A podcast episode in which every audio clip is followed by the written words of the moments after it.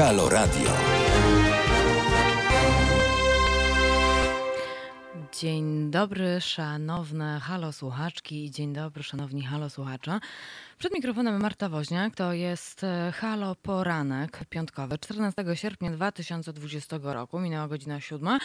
E, realizuje mnie cudowny, wspaniały i nieoceniony Paweł, natomiast e, my dzisiaj w naszym Halo Poranku w pierwszej godzinie się rozgrzewamy i kartka z kalendarza dzisiaj przepełniona, przepełniona. Niestety nie ma imienin Haralampi, za co nawet nie przepraszam, ale jest mi trochę przykro, że nie mogę Państwu się pochwalić jakimś fajnym imieniem e, na dzisiejszy nasz imiennik kartkowo-kalendarzowy. E, no i zrobimy sobie, e, jak nam starczy czasu, jeszcze koronawirusówkę. Przyjrzymy się, co się dzieje w Polsce, co się dzieje za granicą. Za granicą. Natomiast o godzinie ósmej zrobimy sobie, no nie będzie to tyrada, ale może część z Państwa widziała, może część z Państwa czytała. Akurat popełniłam taki tekst w Super Expressie na temat piątkowych e, wydarzeń z zeszłego tygodnia, z 7 sierpnia 2020 roku, kiedy to e, doszło do e, protestu i do zamieszek w Warszawie. Mm, więc jakby chciałabym tak dopowiedzieć pewne rzeczy, bo wydaje mi się, że dialog jest super i po moim tekście dostałam telefon od człowieka o poglądach konserwatywnych. I to była wspaniała, taka krzepiąca chyba nas E, rozmowa, e, ale też pojawiła się polemika na mój tekst, również na łamach Super Expressu, która uważam, że jest wspaniała i cudowna i będę Państwa do niej odsyłać, do tekstu Mirka Skowrona ze względów takich, żeby to Państwo sobie po prostu wyrobili sami pogląd o tym, co myślą o Margo i co myślą o, nie wiem, niszczeniu ciężarówek, o tych ciężarówkach i tak dalej, i tak dalej, i tak dalej. Uważam, że to jest akurat bardzo budujące, e, także, także e, to będzie dla nas, myślę, takie super cenne i oczywiście będę Państwa bardzo mocno zachęcać do telefonów, bo też bardzo zależy mi na tym, żebyśmy sobie porozmawiali o osobach dyskryminowanych i o mniejszościach, szczególnie o tych, w ogóle szczególnie o tych słabszych, o tych słabszych osobach, bo ja uważam, że ci, którzy są słabsi, e, to my powinniśmy ich, e, to my powinniśmy ich po prostu bronić e, za każdym razem. Natomiast o godzinie 9 już w naszym haloradiowym studiu pojawi się znany Państwu Wojciech Szot, który jest krytykiem literackim, ale który akurat popełnił książkę. Panna doktor Sadowska, wydana e, wydawnictwem Dowody na istnienie. E, jest to o lekarce dr Zofii Sadowskiej, e, która, no cóż, która wywołała ogromny, wielki skandal w międzywojennej Polsce, ponieważ no, prasa satyryczna, ale nie tylko, również dzienniki opowiadały i naśmiewały się z bycia lesbijką po prostu.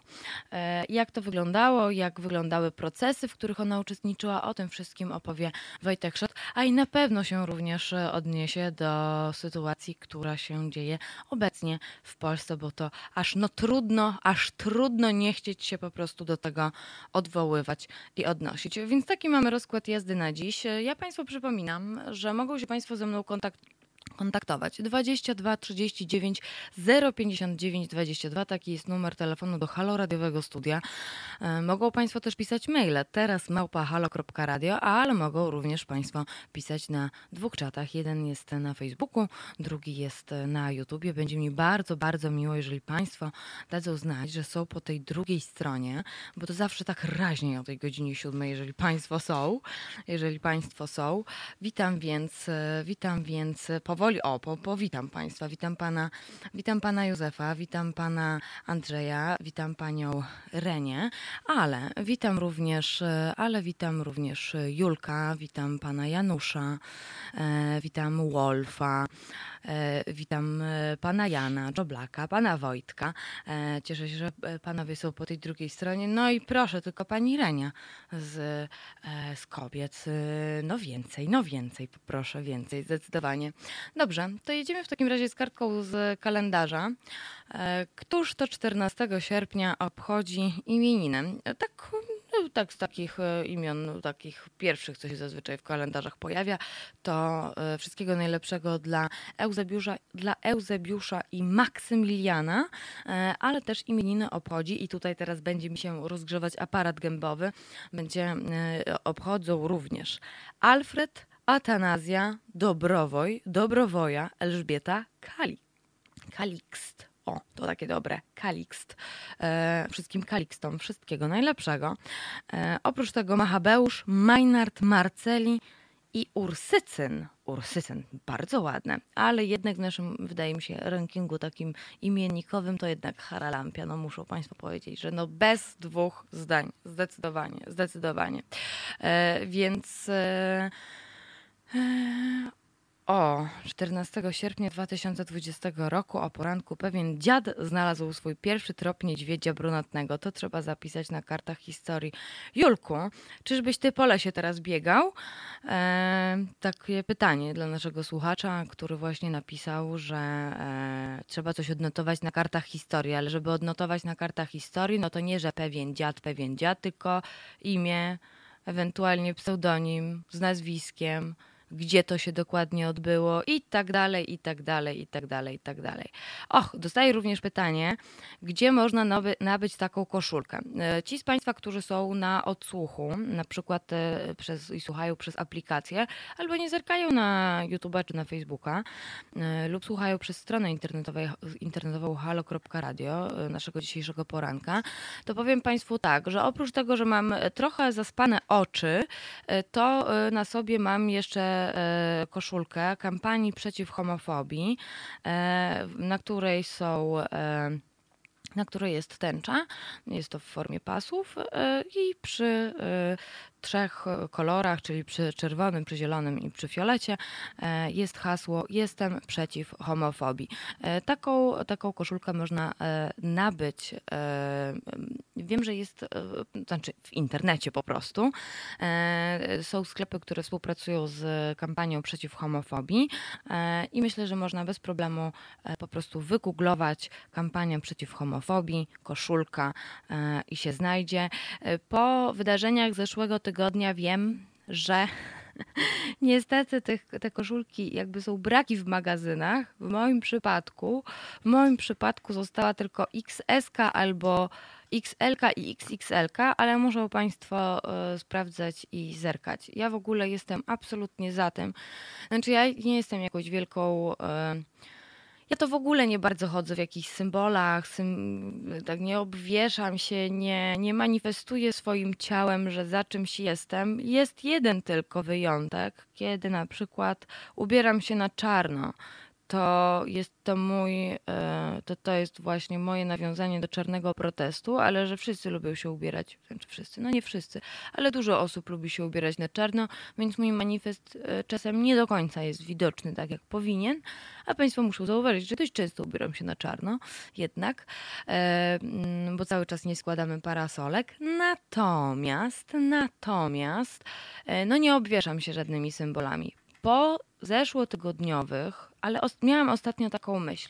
Kiedy idę sobie ulicą i widzę w oknach, że e, właśnie jest, e, są symbole, które są związane z protestami kobiet, z czarnymi parasolkami i tak dalej, i tak dalej, to ja się bardzo z tego cieszę. Sobie myślę, o, ale super, że tutaj ktoś pokazuje, że jest, że jest z nami. Bez różnicy, kto tam mieszka, bo nie wiem, czy to mieszkają kobiety, czy mieszkają na przykład osoby starsze, którym zależy i postanowiły się solidaryzować, czy może mężczyźni, co w ogóle byłoby super.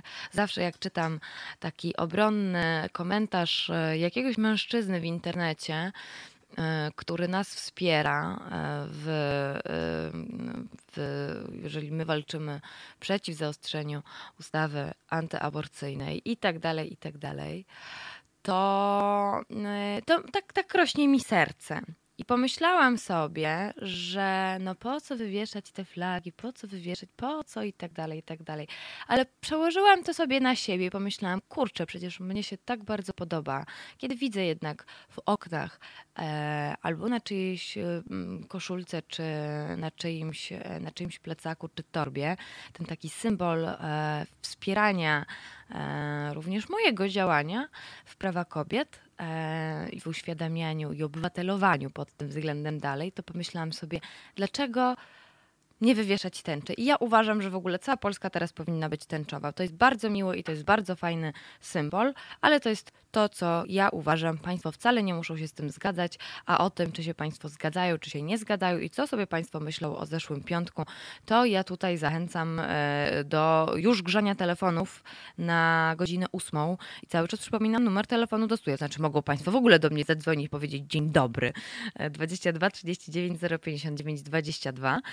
Jest i pan Łukasz, jak miło. O, a tutaj e, Julek dopowiada a propos tego niedźwiedzia, okolice Arłamowa w Biesach. Dziad, leśny dziad. Okej, dobrze, no to jak leśny dziad, to leśny dziad. E, e, o. E, O, pan Roman jeszcze dopowiada. Witamy serdecznie, ja wspieram Halo Radio systematycznie i zachęcam wszystkich do tego samego. Panie Romanie, super, e, super, że pan to mówi, e, bo chciałam właśnie mówić, żeby państwo wspierali Halo Radio, bo taka wymiana myśli, czy na przykład wieszać te tęczowe flagi, czy nie wieszać, czy solidaryzować się z Polkami.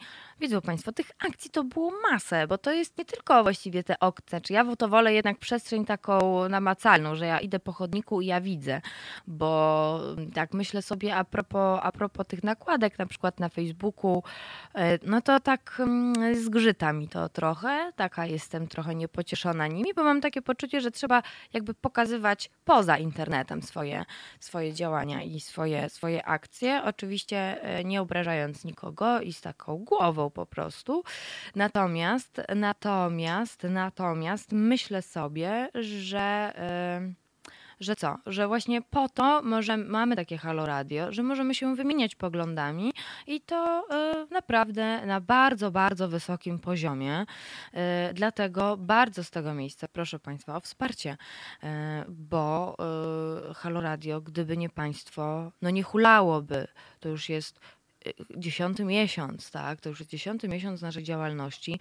E, My do Państwa gadamy i trochę, i trochę gramy, ale e, myślę sobie, że, e, że, to, że jesteśmy, jesteśmy ważni. jesteśmy po prostu ważni.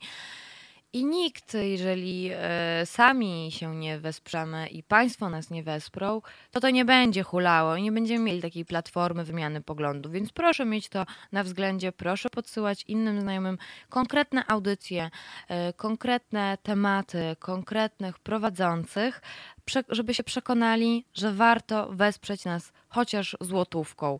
Także bardzo, bardzo e, zachęcam do wejścia na stronę halo.radio e, albo na naszego Facebooka, gdzie są bardzo obszerne informacje, jak mogą Państwo nas wesprzeć. Bez wychodzenia z domu, z wychodzeniem e, z domu również, więc proszę Państwa, zostawiam teraz Państwa z tym, żeby sobie Państwo zerknęli jak żeby może Państwo komuś coś polecili w tej chwili. Natomiast, e, natomiast e, Pawle, weź na tym i powiedz, e, co my to teraz będziemy, kiedy Państwo będą sobie zerkać, gdzie, gdzie szukać informacji na temat, jak wspierać Halo Radio, to co będziemy im w uszach puszczać. Scar Tissue Red Hot Chili Peppers. O, no to, no to, no to pyk.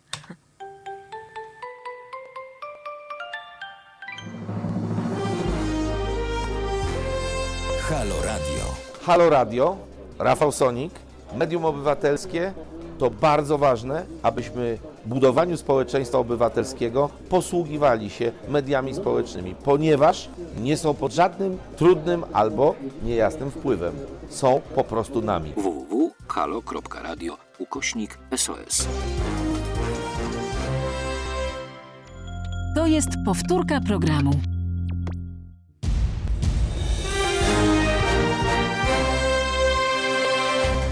Halo Radio. Gadamy i trochę gramy.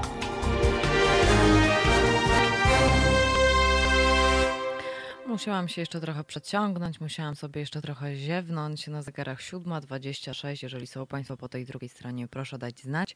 Koniecznie proszę dać znać.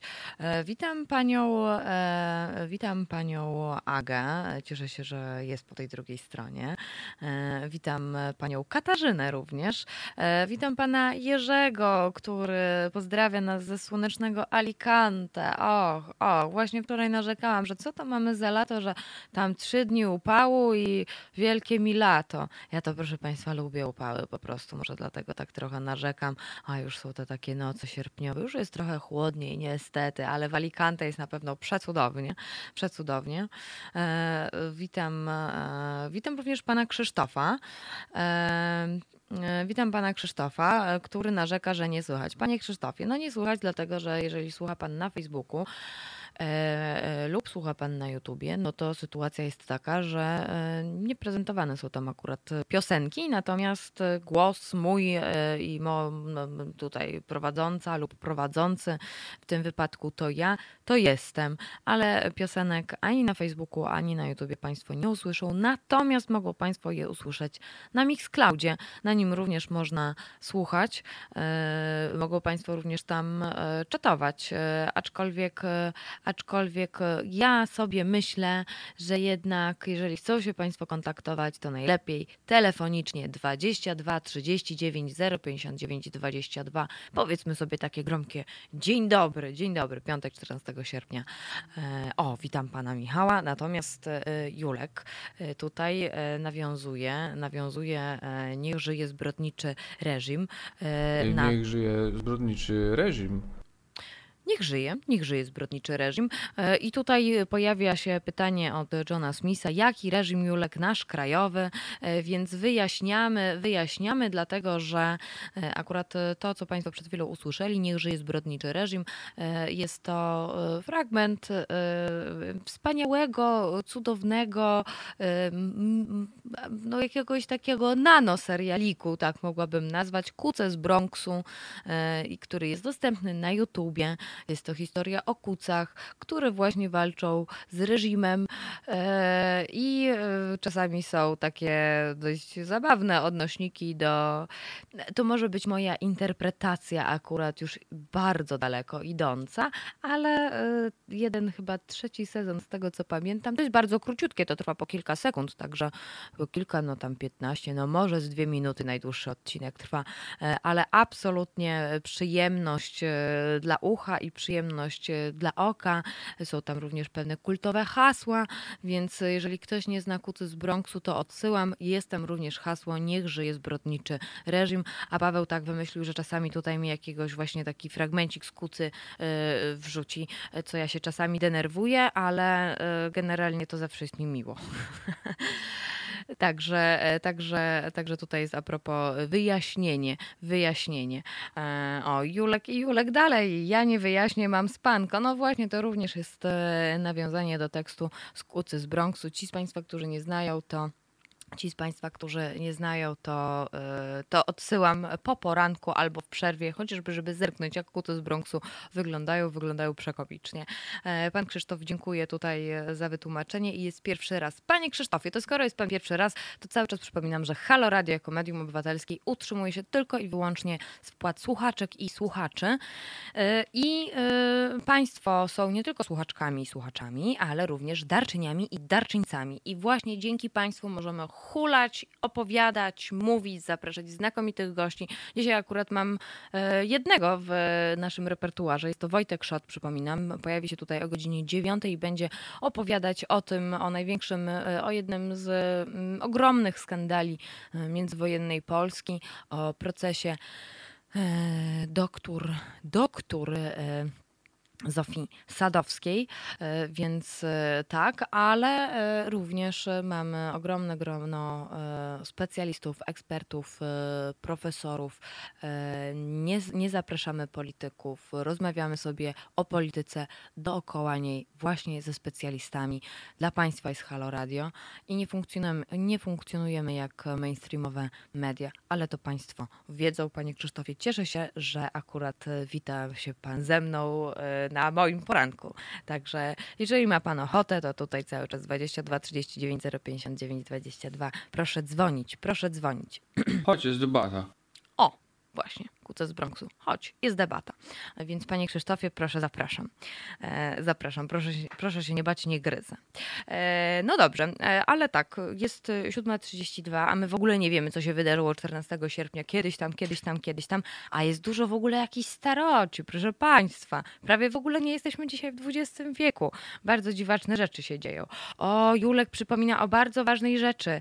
Proszę państwa, apeluję, proszę robić dziś zakupy, bo jutro jest zamknięte. No właśnie. E, no tak, a niedziela też chyba nie handlowa, tak? No więc właśnie, więc trzeba, trzeba, długi weekend dla niektórych, więc e, trzeba, trzeba, trzeba się zaopatrzyć w co trzeba się zaopatrzyć. E, więc, więc akurat przypominam. No dobrze, ale tak, zacznijmy naszą kartkę z kalendarza, bośmy tego jeszcze też nie zrobili, o powiedzonko ludowe. No więc powiedzonko ludowe na, na powiedzonka ludowe na dzisiaj są dwa i Paweł, Państwo tego nie widzą, ale Paweł jest podekscytowany. Ja już widzę, jak on czeka, jak on czeka na powiedzonka ludowe. Powiedzonka ludowe są, no to są mądrości ludowe, takie, które każdego, każdego na każdy dzień powinien. Uważam, że powinien być taki osobny, osobny dżingiel każdego dnia na powiedzonko ludowe e, w Halo Radio, to zdecydowanie. One są super i one w ogóle mówią, co się tak myślało w ogóle kiedyś o rzeczywistości. E, oczywiście bardzo dużo czasami takich kościelnych jest tam nawoływań, nawoływań, bo to na świętego jakiegoś tam to się dzieje coś. No ale coś się dzieje faktycznie i tak sobie przecież tłumaczono różne rzeczy. No dobra, e, no dobra, no to, no to jedźmy. No więc e, dwa powiedzonka ludowe na dziś. Pierwsze brzmi następująco. Gdy z początku sierpnia skwar trzyma, zwykle bywa długa i śnieżna zima. Skwaru to ja trochę nie, nie, nie odnotowuję. Jest mi, e, jest mi akurat dość smutno z tego powodu. Jak już przed chwilą Państwu powiedziałam, to ja kocham upał bardzo. Nienawidzę zimy. Nienawidzę to niedobrze, bo to też uczucie, ale e, myślę sobie o tym, że no nie no, ciepłe, ciepłe, dlatego tak bardzo zazdroszczę panu Jerzemu, że on w Alicante siedzi, a przecież w Alicante jest super cieplutko i bardzo miło, nawet zimą. E, więc no tak, gdy z początku sierpnia skwar trzyma, zwykle bywa długa i śnieżna zima, a że mamy katastrofę klimatyczną, to zdecydowanie, proszę Państwa, zima to śnieżna nie będzie, a jeżeli będzie, to nie wiem, no może dwa tygodnie popada i hej. Tak to pewnie będzie wyglądało, ale, ale będziemy, się, będziemy o tym rozmawiać zimą i będziemy się przypatrywać zimie, e, bo zakładam, że będziemy tutaj jeszcze pracować i Państwo na przykład cały czas będą chcieli nas wspierać. Aha, jeszcze tylko Państwu przypomnę, że mamy taką jedną specjalną zrzutkę, jeżeli chcą Państwo nas wspierać. Zrzutka dotyczy tego, ile kosztuje Polaków i Polki y, Kościół katolicki, y, bo kosztuje nas rocznie y, według jakichś skrzętnych wyliczeń 20 miliardów złotych. Skąd się biorą te wyliczenia? Skąd w ogóle pojawiła się ta kwota? To odsyłam Państwa na stronę zrzutka.pl ukośnik kampania.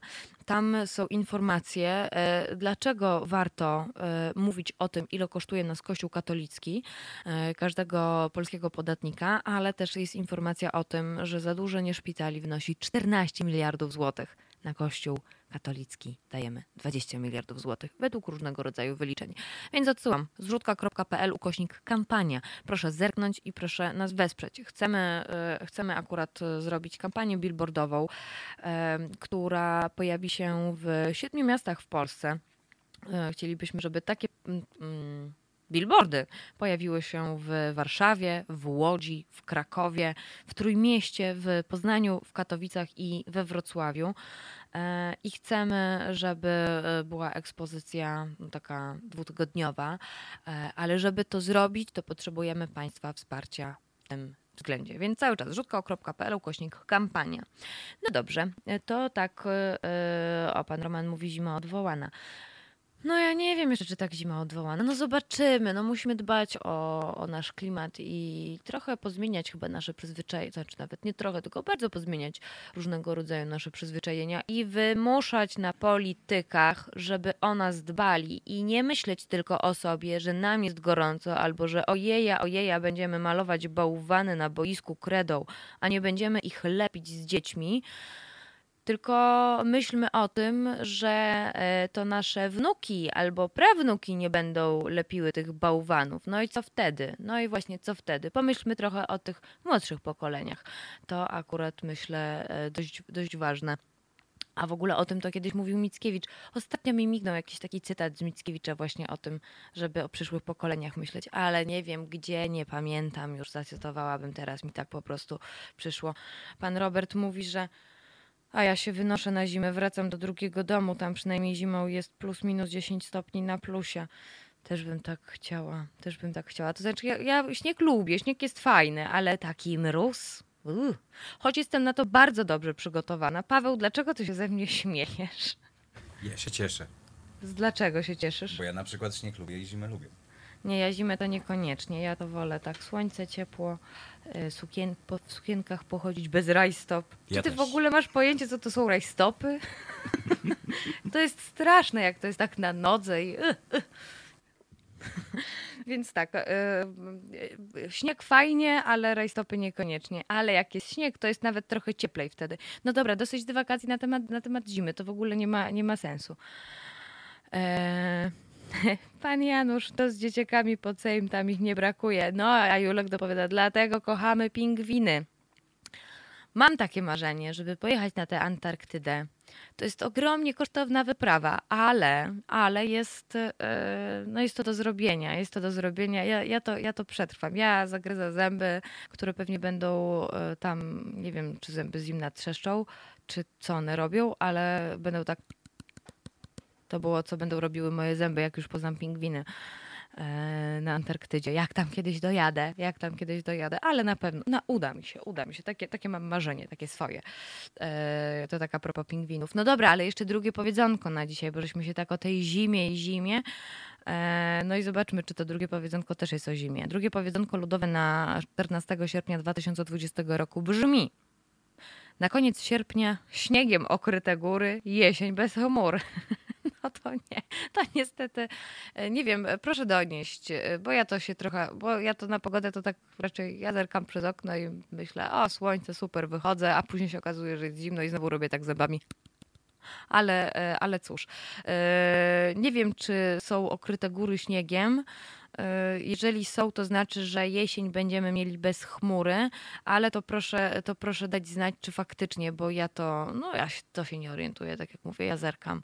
Słońce, słońce, to znaczy, że ciepło, wychodzę. No chyba, że otworzę okno i taki chłód jest, taki jesienny. O nie, to za niedługo przyjdzie. Fatalnie, fatalnie.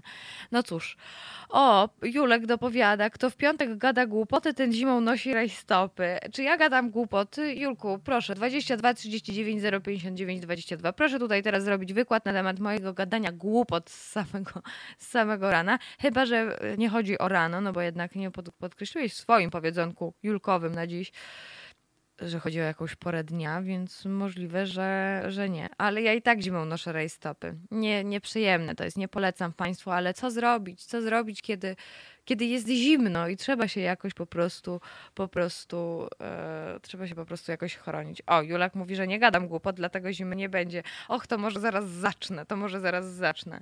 Proszę Państwa, e, e, o, tutaj się znowu mnie upomina o to, że się mówi na 14 sierpnia. No i właśnie, taka ze mnie radiowczyni. Ja to nie wiem, jak odmieniać. Czasami mi się ślina w ustach zbiera i też nieodpowiednio mówię, więc ja w sumie to chyba tego imiennika każdego dnia nie powinnam mówić, żeby sobie tutaj rozgrzeć aparat gębowy, e, ale obiecuję Państwu, że jak się trochę skończy taki, tak, takie szaleństwo, które się dzieje dookoła, to e, śmigam może na emisję głosu, bo bardzo bym chciała, żeby mówić Państwu tak lepiej, lepiej. E, Dobrze, jedziemy dalej, jedziemy dalej, bo tak, no już nie mamy powiedzonek ludowych na dziś, ale, ale, ale mamy, e, czy coś się, czy coś się Pawle dzieje? Tak, mamy pana Krzysztofa. Och, pan Krzysztof, znakomicie, zapraszam serdecznie. Dzień dobry panie Krzysztofie, skąd pan do nas dzwoni? witam. Witam serdecznie, jestem z Katowic. O, super, mój, e, mój, mój rodak, e, no tak. zainspirowany em, jakby odpowiedzią. Panie Krzysztofie, proszę zadzwonić, śmiało się nie bać, ja nie gryzę. Okej, no tak, bo nie gryzę, nie gryzę, jak widać. Panie Krzysztofie, Nawet nie wiem, mówiąc szczerze, bo jestem pierwszy raz, w związku z powyższym słucham i dopiero się dowiaduję e, na temat radyjka, ale skoro e, jakby sąsiad, to rozumiem, że Śląsk. Tak, oczywiście, ja Katowice pozdrawiam serdecznie y, z tysiąclecia z pozycji y, marszałkowskiej 2 w Warszawie. Aha, rozumiem. No u nas za oknami słoneczko. Będzie pięknie dzisiaj. To O. dobrze, bo już u mnie się zaczął długi weekend. A, Dzisiaj już to odgórnie wolny dzień. O, no to proszę wypocząć, proszę wypocząć. Myślę, że to był ostatni czas, był dość taki ciężki dla nas. Trzeba wypoczywać. A był pan już na urlopie? Takim dłuższym swoim? No to co mam powiedzieć? No szczerze, koronawirus i tak dalej. Miała być zagranica, samolot, lato, plaża. No, a były polskie góry, polskie morze.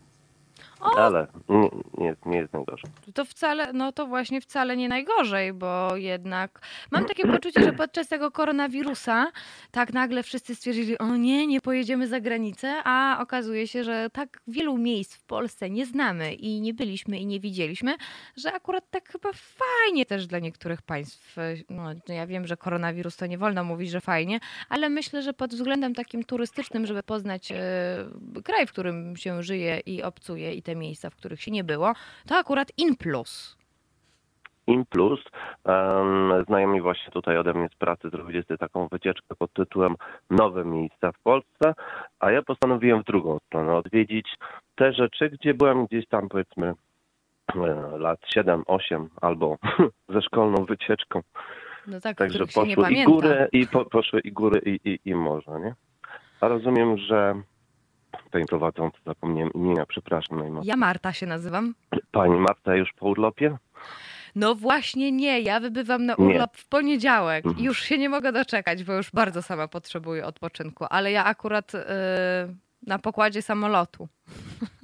Na pokładzie samolotu, ale nie w pracy. To tak zabrzmiało, jakby Nie, nie, nie, nie, nie, nie, ja akurat nie jestem dziennikarką, e, natomiast, natomiast będę odpoczywać, oczywiście nie od Halo Radia, tutaj e, ci z Państwa, którzy mogą być przerażeni, e, Halo Depeszowo będziemy i to z zagranicy, będziemy z Wielkiej Brytanii nadawać, bo tak sobie to wymyśliłam, oczywiście wszystkie środki bezpieczeństwa już czekają w walizce, a ja również wiem jak się zachowywać, także tutaj... e, no, a u mnie akurat tak Właśnie wygląda. sobie pomyślałem, że super e, szalonym pomysłem byłoby nadawanie bezpośrednio z samolotu, po czym sobie postawiłem przecinek, no ale jak, w maseczce? No nie bardzo. Nie no, w maseczce to tam spoko, ale wydaje mi się, że chyba gorzej byłoby z połączeniem, bo jednak funkcjonujemy Tak. wszyscy na...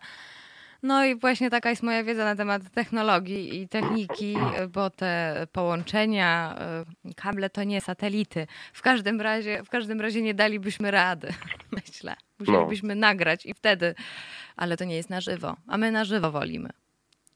Poza tym chyba pilot by nie wyraził em, zgody na coś takiego, prawda? Żeby A, Żeby no tak właśnie, to trzeba było no. się jeszcze zapytać kogoś. O, widzi pan, panie Krzysztofie, nie pomyślałam o tym. Mm. No a ja w tym, w tym momencie po rozłączeniu będę rozmyślać na temat śniadania. O, no to To jest to, co mi znakomicie. chodzi z tyłu w głowie. To znakomicie. Jak już pan wymyśli... ciekawego sobie zrobić, żeby mieć dobry dzień ku, kulinarnie. A z zainteresowania pan Krzysztof musi się pochwalić, że e, uwielbia gotować. Znaczy O. kończył szkołę, ale nie, nie- absolutnie nie pracuje, bo stwierdziłem, że nie, nie, nie, nie, nie. Natomiast lubię wejść do kuchni sobie tak, że tak powiem, zainspirowany czymś tam, coś po prostu pogotować. Panie Krzysztofie, a słyszał pan o ostatnich danych, danych GUS-u, gdzie w 2019 roku spożycie mięsa w Polsce zmniejszyło się o 20%? Ale to chyba nie była ankieta dla mężczyzn. Aha, aha, nie, no na pewno nie. E, Ja akurat odnotowuję, że coraz mniej osób w moim otoczeniu jednak je mięso, choć znam też takich, którzy no kiełbasa musi być, po prostu musi być. E, Ja nie piętnuję, ja akurat jestem taka e, bardzo, bardzo rzadko jem mięso. Więc panie Krzysztofie, dla planety, bo mówiłam o katastrofie klimatycznej, to może takie śniadanie bezmięsne tak zasugeruje i się tak będę wtrącać okropnie? Tak, serki też są, pomidorki, inne warzywka na pewno są. Natomiast prawda jest taka, że faktycznie wśród moich znajomych nie tyle jakby wegetarianizm czy coś takiego, ale e, postawienie na kuchnię regionalną, swojską, taką bez e, tak zwanych ulepszaczy, to tak, to, to faktycznie się e, zrobiła moda na zjedzenie mniej, ale tak, tak co, co, coś takiego swojskiego, dobrego, regionalnego, niż e, kupowanie właśnie więcej, dużo, ale coś, co no niespecjalnie w składzie chemicznym zachęca do zjedzenia. No tak, wiadomo, to się właśnie tak mówi, że te swojskie takie to lepsze, swojskie to lepsze. No tak, no swojskie to lepsze, jak się samemu przecież zrobi obiad. Albo ciasto, bo ja to lubię ciasta akurat. No to, Mhm. no to wiadomo, że no, no jest zawsze różnica niż te tak zwane kupne. Ale to trzeba mieć też Rozumiem. cierpliwość na przykład do mięsa. Panie Krzysztofie, ale super, że pan zadzwonił i się pan nie bał. Ja też bardzo się cieszę. No faktycznie, chciałem powiedzieć wszystkim słuchaczom, nie bójcie się, faktycznie nie zostałem pogryziony. No to uf, uf, dobrze, dobrze, że to padło na antenie. Panie Krzysztofie, bardzo, bardzo Świetnie. serdecznie dziękuję Dzięki za telefon i proszę z nami zostać, proszę zostać z Halo Radiem. Proszę nie tylko e, zerknąć, co się dzieje akurat, e, no nie wiem, czy w, w piątkowych e, Halo Porankach ze mną, czy w Halo Depeszy, która będzie jutro między godziną 11 a 13, ale również proszę zerkać i śledzić, co inni prowadzący robią, bo to też są super ważne rzeczy i obywatelujemy razem. Fajnie, dzięki wielkie i pozdrawiam serdecznie. Serdecznie pozdrawiam. No, to było ekstra. Widzą Państwo, nie gryzę i mam na to dowody, e, więc jeżeli mają Państwo ochotę zadzwonić dzisiaj i podzielić się jakimiś myślami, albo może e, będą Państwo już po śniadaniu, e, albo może po kawie, więc przypominam, że e, przypominam, że tutaj e, cały czas e, jestem z Państwem i proszę dawać znać 22 39 059 22. Taki jest numer telefonu do Halo Radiowego Studia, bo zaraz będziemy mówili o ważnych rzeczach. Mam takie, nawet nie mam takiego wrażenia, tylko wiem, że będziemy mówić o ważnych rzeczach, ale to dopiero po godzinie ósmej. E, Natomiast e, tak, widzę, że Państwo tutaj tłumnie, e, tłumnie piszą. O, witam Pana Adriana. Bardzo się cieszę, że Pan Adrian jest. Pan Adrian to tak trochę jak Julek. Przy każdym możliwym, przy, każdym, przy każdej możliwej audycji tutaj czuwa. E, natomiast e, widzę, że e, przyszło tutaj bardzo dużo takich, jak to się nazywa, komentarzy. No właśnie, no właśnie, jeszcze trochę wcześniej jest, proszę mi wybaczyć. Pan Michał, minus 20 stopni i półtora metra śniegu. Tęsknię za tym, by tak w Polsce było w zimie. Może te minus 20 niekoniecznie, ale półtora metra śniegu ja jestem za. To jest właśnie taki, taki, taki mój paradoks zimowy, powiedziałabym. Więc cały czas odnosimy się e, do zimy. E, Pan Łukasz pisze, Pani Marto, czekam zatem na audycję z Antarktydy. Co prawda dźwiękowcy będą mieli pełne ręce roboty ze zgrzytającymi zębami. Właśnie te zęby zgrzytają, a nie trzeszczą. Ach, no właśnie, za wcześnie, za wcześnie, za wcześnie. E, Julek dopowiada, Polska jest piękna, wystarczy wyjść za zakręt. Pan Robert pyta o mój, pan Robert pyta z kolei o mój urlop, czy London Calling. No, e, będę w Londynie, ale będę też w innym mieście na L, z którego będziemy nadawać. E, I tutaj szykuję dla Państwa naprawdę niespodziankę. e, I myślę, że się Państwo nie zawiodą, bo to takie centrum wydarzeń będzie właściwie, ale, ale dowiedzą się wszystkiego Państwo za tydzień, za tydzień. E, więc mm, proszę, proszę za mnie trzymać kciuki. Pokażę Państwu jedno takie e, miasto, które mi się bardzo podobało, a teraz go nie znoszę, ale jadę tam, e, bo jest, bo muszę go pokazać innym, e, którzy będą czuwali, e, którzy będą czuwali e, nad tym, żeby, żeby audycja udała się na tip-top. E, tak. E, Pan Robert dopowiada, da się z samolotu. Testowaliśmy swego czasu, ale to głównie w trasach do kraju wolności i swobód pozwalają. E, Wolf dopowiada, jedno jest ważne, przeciąganie w samolocie niewskazane. No tak, no, no to właśnie, to ja w samolocie na pewno nie będę, samolotu na pewno nie będę dla Państwa nadawać. Julek dopowiada, nie jem od 12 tygodni chyba mięsa i jest spoko. E, Ja od ponad pół roku i też jest ok. Z tego co pamiętam, pan Łukasz chyba również kiedyś, e, nie wiem, czy dzwonił na antenę, czy mówił właśnie a propos e, tego, że te, też jakby tak przez lockdown przestał jeść mięso i się bardzo dobrze czuje. Wiedzą Państwo, to jak się, jak się przestanie jeść mięso, to nie jest tak, że och, nie, dostaje się jakieś po prostu, nie wiem, wysypki albo czegoś takiego. Ja w ogóle uważam, że my za dużo jemy. I e, no dobra, nie jestem dietetyczką, nie będę mówić. Ja o jedzeniu mogę gadać, gadać i gadać pod takim względem, co, dla, co jest dobre dla organizmu albo dla którego organu w ciele, bo mam trochę na tym punkcie e, fioła, ale, e, ale Państwo mogą niekoniecznie, więc tutaj. Dietetycy dietetykami, ale warto sobie na przykład poczytać o ziółkach, e, które lubię. No nie jest to mięso, nie jest to mięso, natomiast z mięsa to uwielbiam wątróbkę. Jakby ktoś chciał mnie kiedyś zapraszać na obiad, to możemy iść na wątróbkę, to akurat zjem zdecydowanie, ale to nie pamiętam, kiedy ostatni raz jadłam wątróbkę. Nie zdarza się, nie zdarza się. E, pan Robert, no cóż, faceci często by chcieli żymła z wursztem, czy może klasz, klapsz, klapsznita z bajlagą. Panie Robercie, ściskam pana bardzo mocno, serdecznie, ale super, że pan to mówi.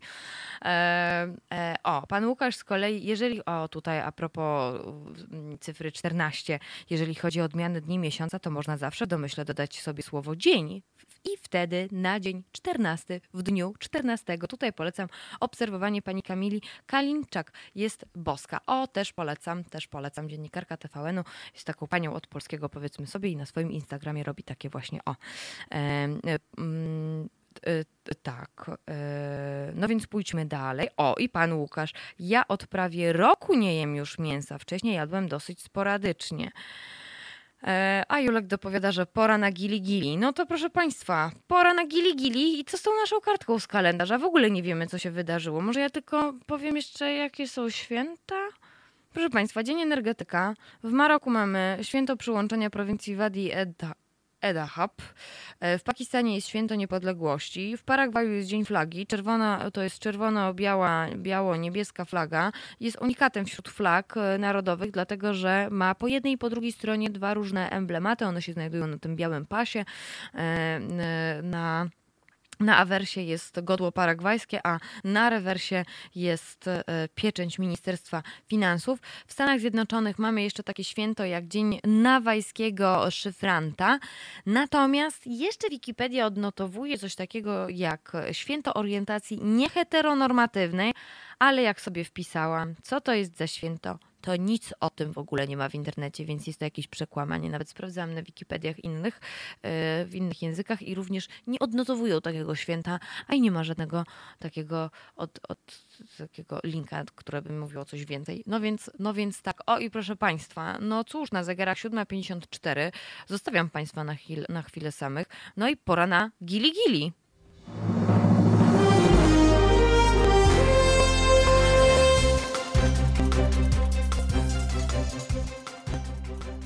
Wszystkim Państwu serdecznie dziękujemy za stałe finansowanie działalności Halo Radia.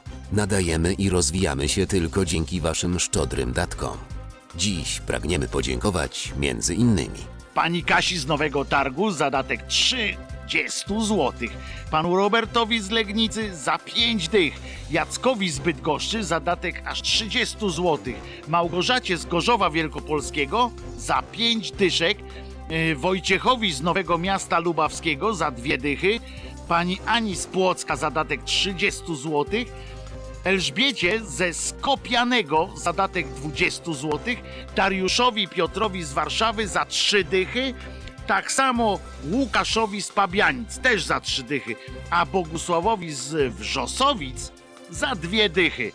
Dzięki wielkie w imieniu całego Halo Radio. Wojtek Krzyżaniak, głos szczerej słowiańskiej szydery.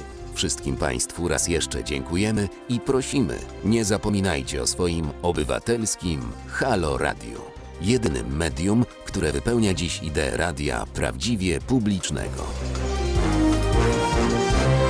Słuchacie powtórek najciekawszych programów z mijającego tygodnia.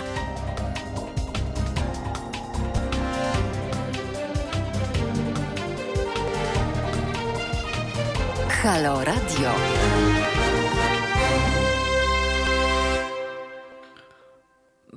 Jesteśmy. Jestem ja, Marta Woźniak. Nic się nie zmieniło. Za sterami też się nic nie zmieniło, bo cały czas jest ze mną Paweł i dba o to, żeby nasza audycja była na tip-top.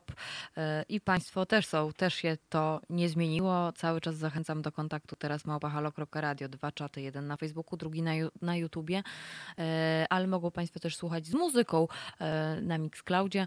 Ale mogą też Państwo dzwonić 22 39 059 22. Tutaj Państwo mi dopowiadają, Pan Grzegorz, wątroba to nie mięso. Pan Robert pyta o flaszkę.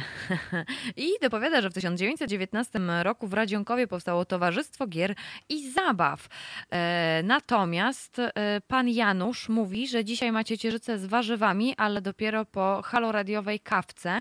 E, haloradiowa kawka dla tych, którzy nie wiedzą, to mamy taką kawkę, jeżeli ktoś pije kawę, e, to zapraszam do naszego Halo sklepu. Informacje znajdą Państwo na Facebooku, ale także na naszej stronie www.halo.radio. E, Kupując Halo kawkę, również wspierają Państwo nasze medium obywatelskie e, i obywatelują Państwo. Natomiast, aha, a w ogóle o tej ciecierzycy z warzywami, to Panie Januszu, proszę mnie kiedyś zaprosić, ja bardzo chętnie skosztuję. Ciecierzyca, warzywa, super. E, Natomiast e, Japonia pisze, a ja nie jem mięsa od wczoraj i jest mi z tym źle, zaraz sobie jakieś mięsko zjem i będzie super. O, no to Japonio, no to do dzieła, no to do dzieła. Proszę natychmiast iść jeść mięso, bo jeżeli tutaj ma być fatalnie i niemiło, no to my tak nie chcemy, my tak absolutnie nie chcemy, żeby tutaj naszym e, halosłuchaczkom i halosłuchaczom było niedobrze z powodu niejedzenia mięsa. No dobrze, no to lecimy dalej. E, Ja zrobię Państwu taką szybciutką kartkę z kalendarza. Jednak, jednak zrobię. Mimo, że już o ósmej planowałam co innego, ale ja bardzo chcę odnotować e, parę rzeczy. No więc tak, w, tyś, w, w 1040 roku, proszę Państwa, Macbeth e, zabił króla Szkocji Duncana i zajął jego miejsce i tak to jest ten Macbeth e, i to jest ta Lady Macbeth i mimo wszystko tej zbrodni i tam różnych, różnego rodzaju przepychanek, to jednak Macbeth był królem, którego historycy oceniają dość pomyślnie. Jedźmy dalej. W 1409 roku, 14 sierpnia, król Władysław II Jagiełło dostał pismo z wypowiedzeniem wojny przez zakon krzyżacki, no i wtedy nam się rozpoczyna ta wielka wojna z zakonem krzyżackim. Ona trwa aż do 1 lutego 1400 1411 roku. Nie, że tylko Grunwald i Grunwald, ale to trwało właśnie od 14 sierpnia 1409 do 1 lutego 1411. W 1502 roku z kolei tutaj e, jest czwarta i ostatnia wyprawa Kolumba e, do Nowego Świata, który ich Krzysztof Kolumb e, właśnie dzisiaj te mm, ile 500, 500, 500 lat temu prawie wylądował w dzisiejszym Hondurasie.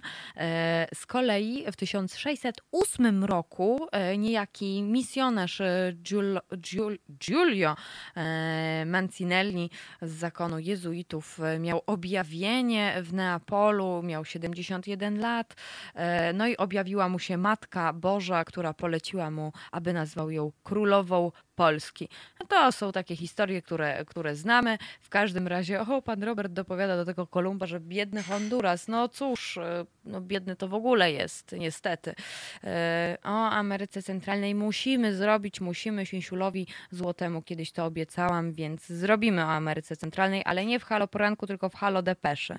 I państwo cały czas mnie trzymają za słowo. E, Pójdźmy dalej. O, tu, tutaj dla fanów architektury albo dla fanów kościołów, katedr, bo w 1880 roku, 14 sierpnia, zakończono trwającą no, prawie 600 lat y, budowę katedry w Kolonii. No i to jest ta taka super słynna katedra, wizytówka Niemiec właściwie. Ona się bardzo e, no, na wszystkich możliwych pocztówkach e, czy czy w ogóle jako taki symbol, jak się, jak się daje takie turystyczne punkciki Niemiec, no to właśnie pojawia się ta katedra w Kolonii. E, Jest ona masowo odwiedzana nie tylko przez pielgrzymów, ale również przez e, turystów. Wielka, ogromna, ma 144 metry długości, 86 metrów szerokości. Wieże na wysokości 150 157,38 metra. E, No i po, po ukończeniu tych wież, no katedra była najwyższą budowlą świata, ale niedługo, bo do 1884 roku. Wieżę ukończono w 1870, więc jeszcze 14 lat mogła się poszczycić tym, że jest najwyższym budynkiem na świecie. E, No ale, e, ale aktualnie mówi się, że akurat jest e, drugą co do wysokości gotycką budowlą e, na świecie, zaraz po katedrze w Ulm. No i trzecią co do wielkości katedrą świata pod względem powierzchni. E, tutaj jest akurat prym wiedzie katedra Świętej Marii w Sewilli i katedra Narodzin Świętej Marii w Mediolanie. No to tak, to kolonia. Może akurat ktoś z kolonii jest i mógłby powiedzieć, czy katedra się ma dobrze i się trzyma. W 1800 1993 roku, o to proszę dla motorowych świrów informacja, rozpoczęto wydawanie pierwszych na świecie tablic, tablic rejestracyjnych i było to w Paryżu. Także od 1893 roku pojawiają się już pierwsze, pojawiają się już pierwsze, e, pojawiają się już pierwsze e, tablice rejestracyjne. No i tutaj pan Robert dopowiada, że 1919 rok ważny jest, w ogóle 1919 ważny jest bo strajk. E, Nie tylko dlatego, ale tak, pojawia się stra- strajk. 140 tysięcy robotników zrobiło strajk e, na górnym, e, co, co poprzednio powstanie. Co poprzedzało powstanie, o którym się nie mówi w kongresówce? Panie Robercie! No, no. No więc tak, e, strajk, o którym mówi pan Robert, to jest e, tak zwany strajk sierpniowy. To śląscy górnicy i hutnicy e, od 11 do 14 sierpnia zażądali niedopuszczenia do pracy terroryzujących Górny Śląsk członków bojówek niemieckich. No i tutaj ten strajk był taki, poprze- poprzedzał właśnie wybuch zbrojnego powstania pierwszego powstania śląskiego, które przypomnę Państwu trwało od 16 do 24 sierpnia 1919 roku. Uczestniczyło w nim 140 140 tysięcy robotników. Więc Panie Robercie, odnotowane, odnotowane. Eee, pójdźmy dalej. 1935 rok. E, pojawia się coś bardzo interesującego, ponieważ zostaje podpisany em, taki dokument w Stanach Zjednoczonych, który się nazywa Social Security Act i to jest, e, jak nie wiedzą Państwo, emerytury, renty rodzinne, ubezpieczenia osób niepełnosprawnych. E, to jest, e, to był ten Social Security Act był częścią New Dealu e, prezydenta Stanów Zjednoczonych Franklin, Franklina Delano Roosevelta. No i obecna wersja ustawy e, z późniejszymi zmianami obejmuje kilka programów i ubezpieczeń społecznych. Jest, jest ich dość sporo, chociażby to słynne Medicare, e, które, no, nad którym się ostatnio Stany Zjednoczone dość mocno zastanawiały. Więc tak, w 1935 roku właśnie takie świadczenia, świadczenia dla, świadczenia dla obywateli, emerytury, renty i ubezpieczenia osób niepełnosprawnych. A w 1936 roku jest e, takie hmm, dość ciekawa rzecz, e, e, ponieważ, ponieważ w Stanach Zjednoczonych doszło do ostatniej publicznej egzekucji w historii Stanów Zjednoczonych. E, Tutaj został powieszony gwałciciel i morderca e, Rainey e, Bettia. On został powieszony w stanie Kentucky w miejscowości Owensboro. E, to była ostatnia publiczna egzekucja. On został skazany za gwałt na 70-letniej białej kobiecie. Podkreśla się, że był, podkreśla się, no bo to był afro, af, afroamerykaninem. On akurat zgwałcił 70-latkę e, białą. Został publicznie powieszony i egzekucja zyskała dość spory rozgłos, e, dlatego że, dlatego że osoba, która miała wykonywać wyrok, wy, wyrok e, mm, to, była, to była pani szeryf, szeryfowa mogłabym powiedzieć, szeryfa, e, Florence Thompson. Ona miała wykonać, wykonać, wykonać egzekucję na Betty. E, No ale okazało się, że jednak no, ona była panią szeryfową, dlatego że y, po prostu jej mąż akurat y, był szeryfem, a że zmarła, to przejęła jego obowiązki, że zmarł, to przejęła jego obowiązki.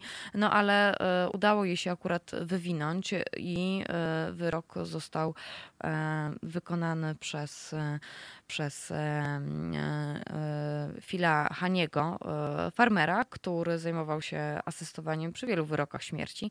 No i była, e, byłaby to jego 70. egzekucja. E, On nigdy, on nigdy nie wykonywał wyroków, on był tylko jedynie konsultantem, e, konsultantem do spraw co, jak, żeby było w porządku, no ale parę akurat takich egzekucji źle przebiegało. W każdym razie, w każdym razie, e, w każdym razie również e, wzięto tutaj, e, wzięto tutaj Artura Hasza, który był byłym policjantem z Louisville. On wykonał wyrok, a faktycznie Hanna mu asystował. No i wedle szacunków na miejscu egzekucji zgromadziło się około 20 tysięcy osób.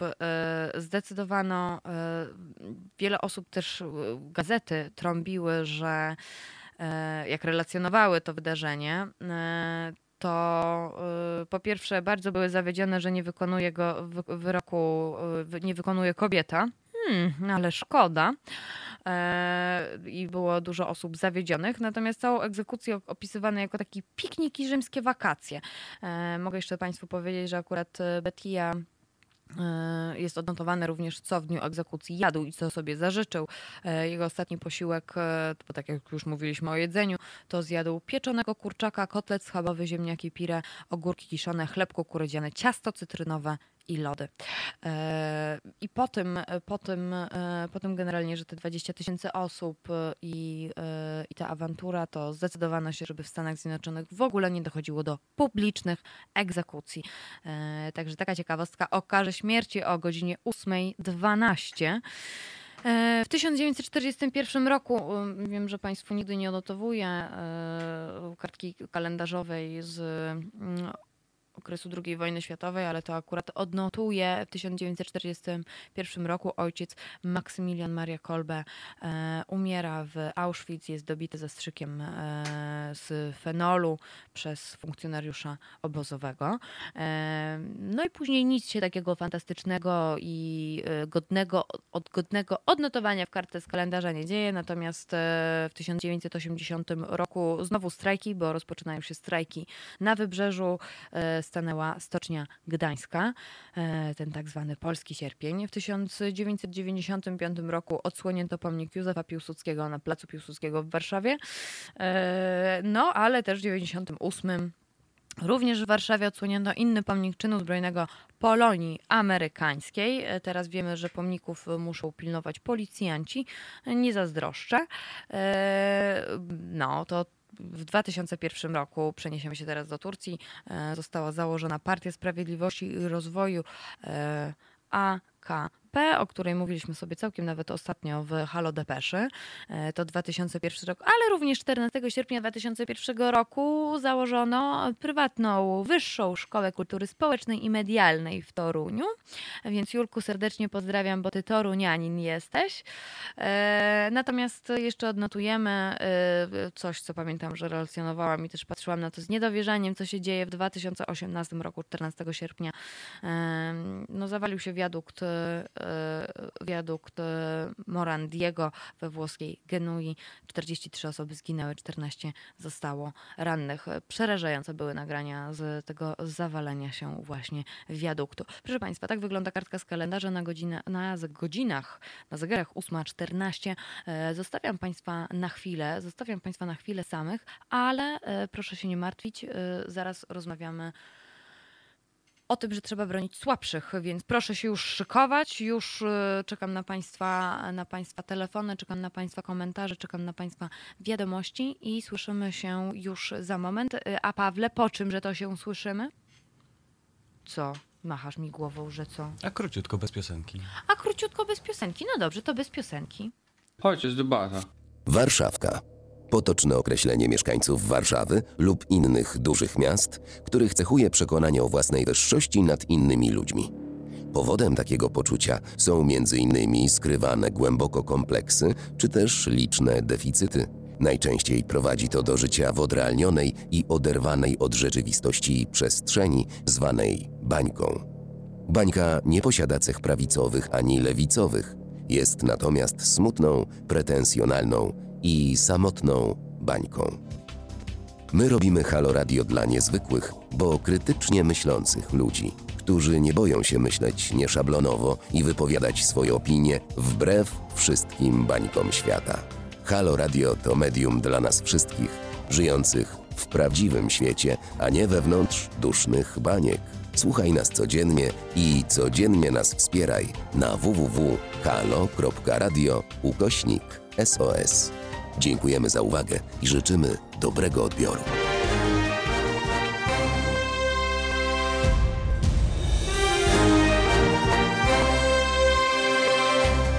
Halo Radio. Gadamy i trochę gramy.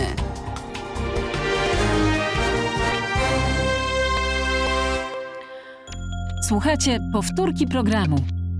No to pyk, wróciłam do Państwa i mam nadzieję, że Państwa telefony już są w gotowości, żeby e, zadzwonić e, na halo radiowe, e, do halo radiowego studia, czyli 22 39 059 22. To teraz będziemy sobie mówić o. mm, Dobrze, zanim będziemy mówić e, o, to tylko Państwu przypomnę, że e, żeby Państwo przypomnę i proszę z tego miejsca, by Państwo wspierali Halo Radio, bo to jest e, bardzo ważne, żebyśmy mieli taką przestrzeń wspólną, gdzie możemy się wymieniać. Nie, że tam ktoś gdzieś napisał jakiś komentarz na fejsie i czy tam na Instagramie, czy tam na Twitterze i tak dalej, i tak dalej. Ale miejmy takie, miejmy takie miejsce i Halo spełnia te warunki, gdzie możemy wymieniać się z różnymi poglądami, naprawdę z bardzo różnymi poglądami, e, wymieniać się, co, co nas boli i co zrobić. Właśnie, jest coś takiego, jest taka, jest taka popularyzująca się dziedzina już dziennikarstwa, dość mocno, czyli dziennikarstwo rozwiązań. To znaczy narzekanie, narzekanie, narzekanie, ale co trzeba zrobić, żeby było lepiej? E, Co trzeba zrobić, co my możemy zrobić, żeby jednak e, pewne rzeczy, które nie powinny się dziać, żeby ich zaprzestać, ale co w ich miejsce, jak działać, jak co robić i tak dalej, i tak. Więc Halo Radio spełnia e, w jakiś sposób akurat to dziennikarstwo rozwiązań, bo mówimy Państwu i zapraszamy specjalistów z różnych dziedzin e, a propos, nie wiem, a propos klimatu, A propos, g- głównie skupiamy się na temat e, środowiska, tak myślę sobie, ale co jeszcze tak zrobić my, jako obywatele, możemy na przykład dla naszych społeczności, czy dla naszych bliskich, e, czy po prostu uczymy się też e, wzajemnie, e, jak funkcjonować w tym takim e, społeczeństwie, które e, mówi się, że jest podzielone, podzielone, podzielone. Pewnie Państwo wiedzą, napisałam e, na łamach Super Expressu e, taki felieton. Felieton, no, tak za długi jak na felieton, ale można by go tak było nazwać. Nie jest to w każdym razie reportaż. E, Napisałam taki tekst e, pod tytułem Ministrze Ziobro to Margot jest ofiarą, homofobia powinna być karana. E, I bardzo mnie cieszy e, to, że e, mój redakcyjny kolega e, Mirek Skowron e, e, zrobił polemikę do tego, która też bardzo mi się podoba. E, Jego polemika, e, polemika, e, jeżeli chcą Państwo przeczytać, to Margot nie jest ofiarą ani pieskiem. Z Martą Woźniak polemizuje Mirosław Skowron. Bardzo, bardzo mi się podoba ta polemika, bo mam takie poczucie, że wow, ale super, ja sobie mówię swoje i co ja o tym wszystkim myślę, a Mirek mówi sobie swoje, odnosi się do pewnych punktów.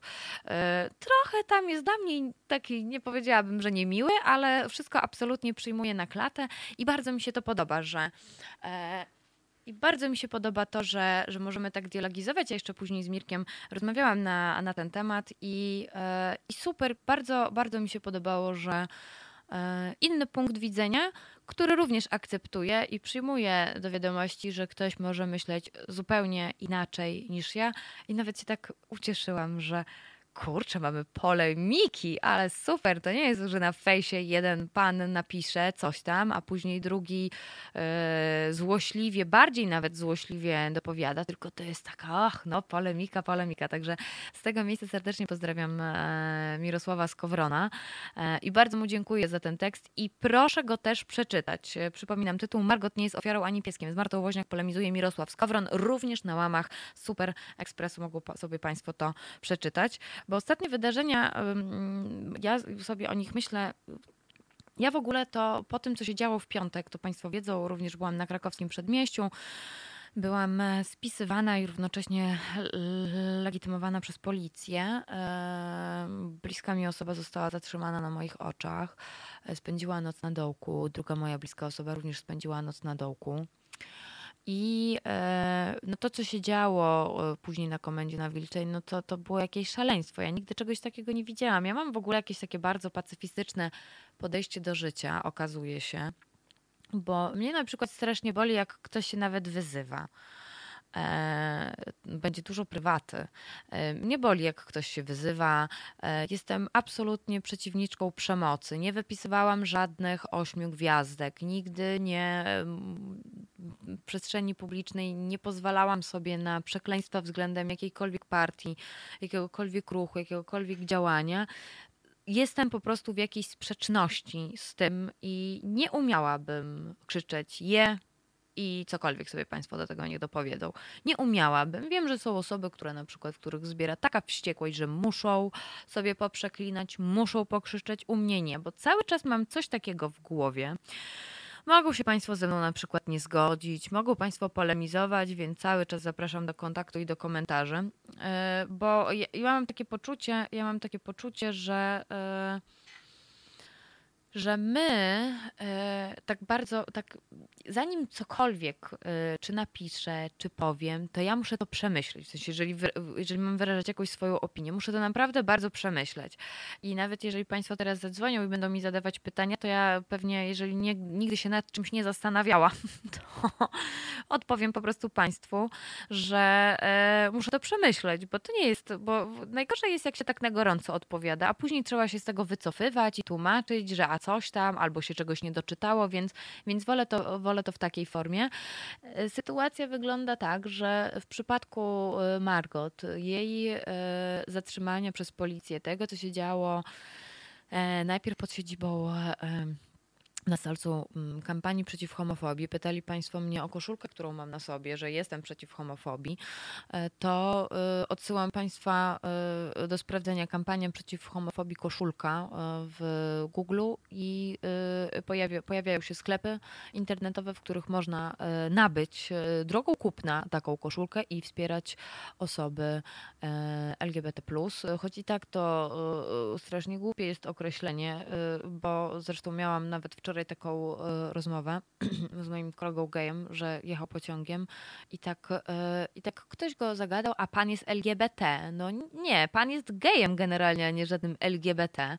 E, Później miał jakąś historię związaną z wizytą u swojej siostry, no i szwagier nagle tak zaczyna mówić, no bo wiesz, wy LGBT to coś tam. No i tak on się nie czuje LGBT, on się czuje gejem, jest gejem, no, no nie czuje, jest gejem i, yy, i po prostu yy, nazywajmy rzeczy po imieniu, a nie LGBT. To jest po prostu jeszcze plus. To jest yy, bardzo delikatny y, temat. Y, Ja myślę, że odeślę Państwa do, y, na Instagram Karoliny Rogaskiej, mojej redakcyjnej koleżanki, z którą również doświadczałam tych strasznych rzeczy. Dla mnie nawet chyba traumatycznych, musiałabym powiedzieć, bo to było dla mnie dość ciężkie. E, Właśnie w, piątek, w zeszły piątek na krakowskim przedmieściu, bo to razem byłyśmy spisywane i legitymowane. W każdym razie e, Karolina Rogaska zrobiła taki, taki, takie slajdy e, związane, jak właśnie mówić i pisać o osobach LGBT. Także, także odsyłam Państwa. W każdym razie, w każdym razie nazywajmy, nazywajmy wszystko po imieniu.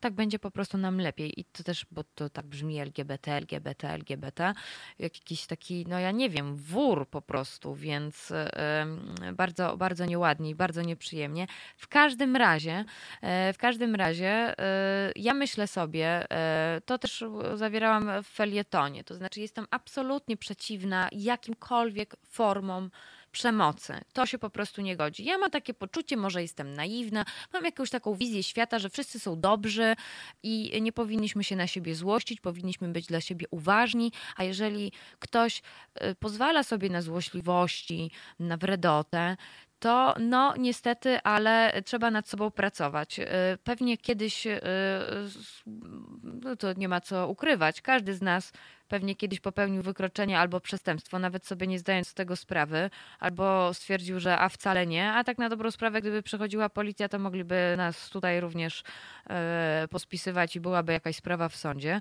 E, Druga rzecz jest taka, że e, pewnie też kiedyś, e, nawet nie pewnie, tylko tak, kiedyś też funkcjonowałam, no tak byłam bardzo, bardzo taka złośliwa, była mi taka niemiła i niesympatyczna, ale mam też takie poczucie, że zastanowiłam się kiedyś nad tym, że nie chcę taka być względem innych.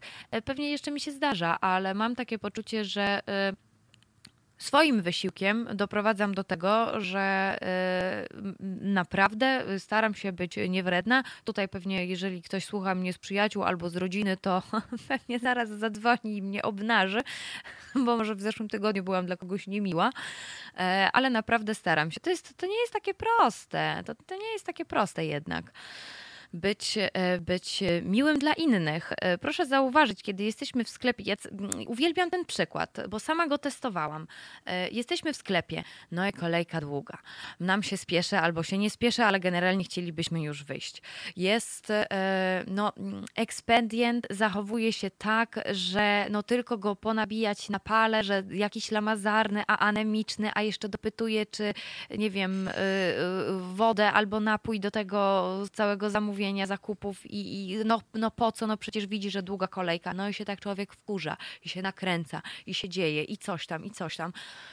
Ja miałam taką sytuację kiedyś i postanowiłam, że nie, nie będę dla tego pana niemiła, a mogłabym, mogłabym powiedzieć, że no co pan, no klient wasz pan, więc y, mogłabym z, takiego, z takiej pozycji wejść, ale pomyślałam sobie, bo byłam kiedyś po tamtej drugiej stronie, że może coś mu się wydarzyło, może jest zmęczony, może pracuje któryś dzień, może jest chory, może nie może wziąć wolnego i tak dalej, i tak dalej, i tak dalej. Zaczęłam go w jakiś sposób w głowie, w głowie e, usprawiedliwiać. Jestem sobie przy tej kasie. Pan oczywiście ślamazarnie się cały czas zachowuje, bo to się w ogóle nie zmieniło od e, tych e, pięciu osób, które były przede mną. I tak, tak sobie mówię, bądź spokojna, bądź spokojna. I ostatecznie, kiedy już zapakował moje zakupy i podał, oczywiście zadał pytania a propos jakichś tam rzeczy typu, czy coś jeszcze do tego, oczywiście, że nie, to odpowiedziałam, po prostu odpowiedziałam, tak trochę się musiałam wysilić, więc to trochę było aktorzenie, ale jednak końcówka była taka, no taka z serca. Powiedziałam bo, ba, bardzo prostą rzecz. Bardzo panu dziękuję i życzę panu miłego wieczoru. Uśmiechnęłam się bardzo szeroko i sobie poszłam. I proszę Państwa, niby takie, och, to wystarczy tak rzucić. No właśnie nie, jak się tak powie z serca jednak, e, to zupełnie inaczej, inny to ma efekt. I powiem Państwu, ten pan był no w szoku. Trochę nie wiedział, co odpowiedzieć. Nie umiał nawet wydukać dziękuję i wszystkiego dobrego i tam pa, siema albo cokolwiek innego. Więc proszę zrobić sobie taki test, jak Państwa będzie ktoś wkurzać albo w ogóle w kolejce, ile to daje taki uśmiech i ile to daje. To, to, jest, to jest miłe i to jest fajne, a my się tak wcale nie zachowujemy i nie powiedzą Państwo mi, że, że się mylę, bo nie uwierzę w to. E, Pan Robert e, zresztą jakiś czas temu dzwonił, kiedy miałam zastępstwo za Asię Frejzu w niedzielę, kiedy rozmawialiśmy z Ewą Kale- Kaletą o macierzyństwie i rozmawialiśmy o takiej życzliwości ludzkiej, rozmawialiśmy o takiej życzliwości ludzkiej, to zadzwonił i powiedział, że uśmiech tyle daje, naprawdę uśmiech bardzo, bardzo dużo daje, więc zostawiam teraz Państwa e, na chwilę, żeby Państwo poćwiczyli teraz uśmiechanie się. Warto, naprawdę warto, to lepiej człowiekowi dla ciała po prostu też działa, więc teraz uwaga, uśmiechamy się. Halo Radio. Nazywam się Tomasz Sekielski. Często od moich widzów, słuchaczy, czytelników słyszę, że brakuje w Polsce medium obywatelskiego. Medium, które na poważnie traktowałoby swoich odbiorców. Medium, z którym odbiorcy mieliby kontakt. Medium, które reagowałoby na to, co myślą, co mówią, co piszą, co robią jego odbiorcy. Teraz jest szansa, aby takie medium powstało. Wbijajcie na Patronite'a, a tam odszukajcie profil Fundacji Obywatelskiej. Możecie wpłacić pieniądze, bo ta fundacja pracuje nad stworzeniem nowego medium, medium obywatelskiego, radia z wizją. Ja też będę w tym projekcie. www.halo.radio ukośnik SOS. To są powtórki najciekawszych programów z mijającego tygodnia. Tutaj mówią Państwo a propos e, właśnie e, wizyt w sklepie. Pan Paweł dopowiada, ja mam dużo wyrozumiałości do e, pań i panów na kasach, pan Grzegorz. I tutaj zwróciłbym uwagę na to, że zachowania kasjera, kasjerki są wynikiem pracy w ciężkich warunkach, czyli z klientami burakami. Sam widziałem, jak klient burak rzucił kasę na podstawkę. E, a jak kasjerka mu odrzuciła, to się zdziwił i od razu, że jest chamska. No właśnie, e, więc zamiast popatrzeć na tego, no ja poda- proszę się tutaj nie skupiać teraz na tych, e, na tych wizytach w sklepach, e, kasjerach, kasjerkach i tak dalej, i tak dalej. To jest po prostu taki bardzo prosty przykład, żeby samemu na sobie przetestować. Ja cały czas mówię, zaczynajmy od siebie, żeby nas, na sobie przetestować, jak my się zachowujemy i żeby właśnie tak się na przykład uśmiechnąć do takiej pani kasjerki. Oczywiście, jak nie będzie w humorze, no to się nie oduśmiechnie, ale też proszę jej nie winić. Może nie ma ochoty, może naprawdę już zaraz pęknie i po prostu zacznie płakać. Może tak być. Mam takie wrażenie, że powinniśmy po prostu zwracać uwagę. I to nie tylko chodzi o wizyty w sklepie. To chodzi po prostu o to, jak chodzimy po ulicy, jak jeździmy samochodem i tak dalej, i tak dalej, i tak dalej. E, Więc e, po prostu bądźmy dla siebie mili, a nie, że sobie rzucimy e, jakieś hasło takie e, chamskie e, i załatwione. Ja ostatnio trochę wyszłam, tak straciłam równowagę i fuknęłam na takiego pana, bo ach, to nieważne. No ale generalnie później pomyślałam sobie, kurczę, nie chcę taka być, więc dlaczego tak zareagowałam? No trochę się we mnie gotowało ze złości.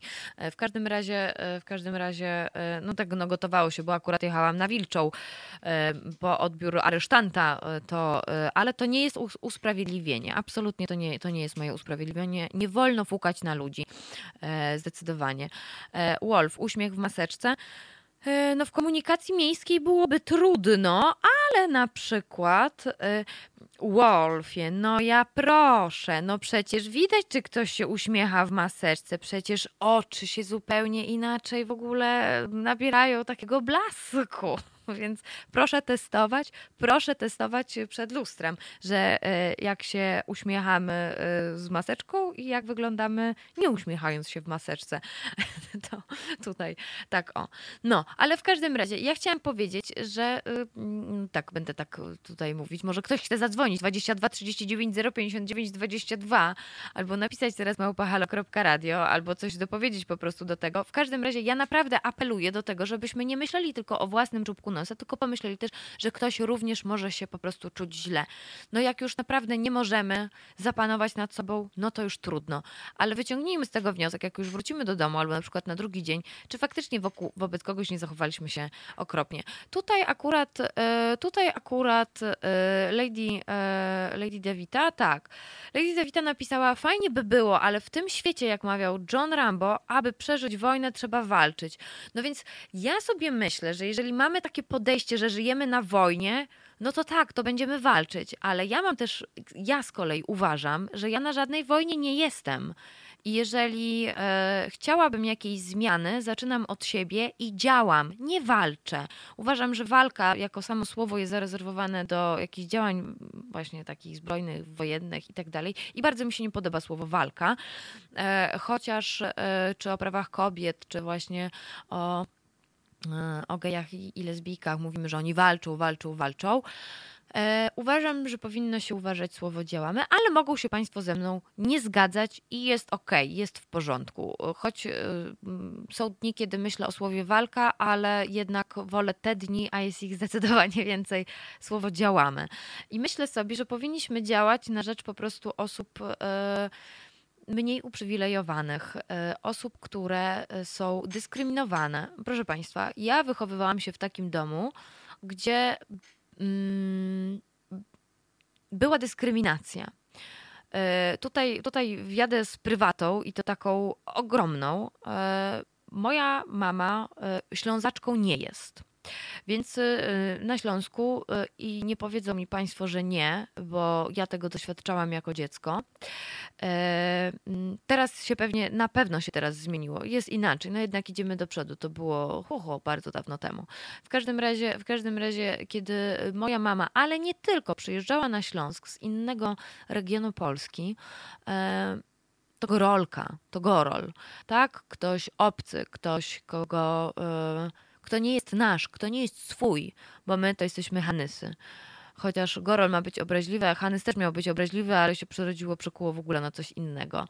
I e, pojawiały się naprawdę czasami okropne i niemiłe sytuacje, których na przykład e, taką, ja uważam to za winę polityków akurat te podziały takie, e, więc uważam, że moja mama była beneficjentką takiej systemowej krzywdy, e, która, która się wydarzyła, bo przecież e, jeżeli ktoś wyciągnął do niej rękę, albo jak ona komuś, do, dla kogo, do kogoś wyciągnęła rękę, to nikt się nie zastanawiał nad tym, skąd ona jest, tylko że jest dobrym człowiekiem. I tego też mnie nauczyła moja mama, żeby być dobrym człowiekiem, ale też, żeby takimi ludźmi się otaczać. Tego państwu, tego państwu życzę, więc dyskryminacja się pojawia. Każdy z nas zresztą dyskryminację e, przeżył, e, czy to w szkole, czy to w pracy, e, czy to na ulicy, na różnych poziomach. Tu nie chodzi o to, że e, tu nie chodzi o nawet o takie jakieś etniczne pochodzenie, ale na przykład światopoglądowo. Teraz to w ogóle jest jakiś kosmos, co się dzieje. Jest, bardzo mi się to nie podoba i bardzo mnie to martwi. I proszę Państwa, ja właściwie dopiero w środę ochłonęłam po tym, co się wydarzyło w piątek, bo bardzo mnie, bało, bardzo mnie bolało to, że robi się pokazówę. Uważam, że to była pokazuwa, e, to co się działo w piątek, bo dlaczego by nie zatrzymać Margo e, w siedzibie kampanii przeciw homofobii? Zresztą ona chciała się oddać w ręce policji, ale oni powiedzieli, że nie. No i tak śledzili ją po prostu. Śledzili, śledzili, śledzili, no aż się po prostu tłum obywatelskie nieposłuszeństwo wkurzyło. No i się działo, co się działo i działa się rozruba. I jak się dzieje rozruba, to ci, którzy robią rozrubę, powinni zostać ukarani. Takie jest moje zdanie, no.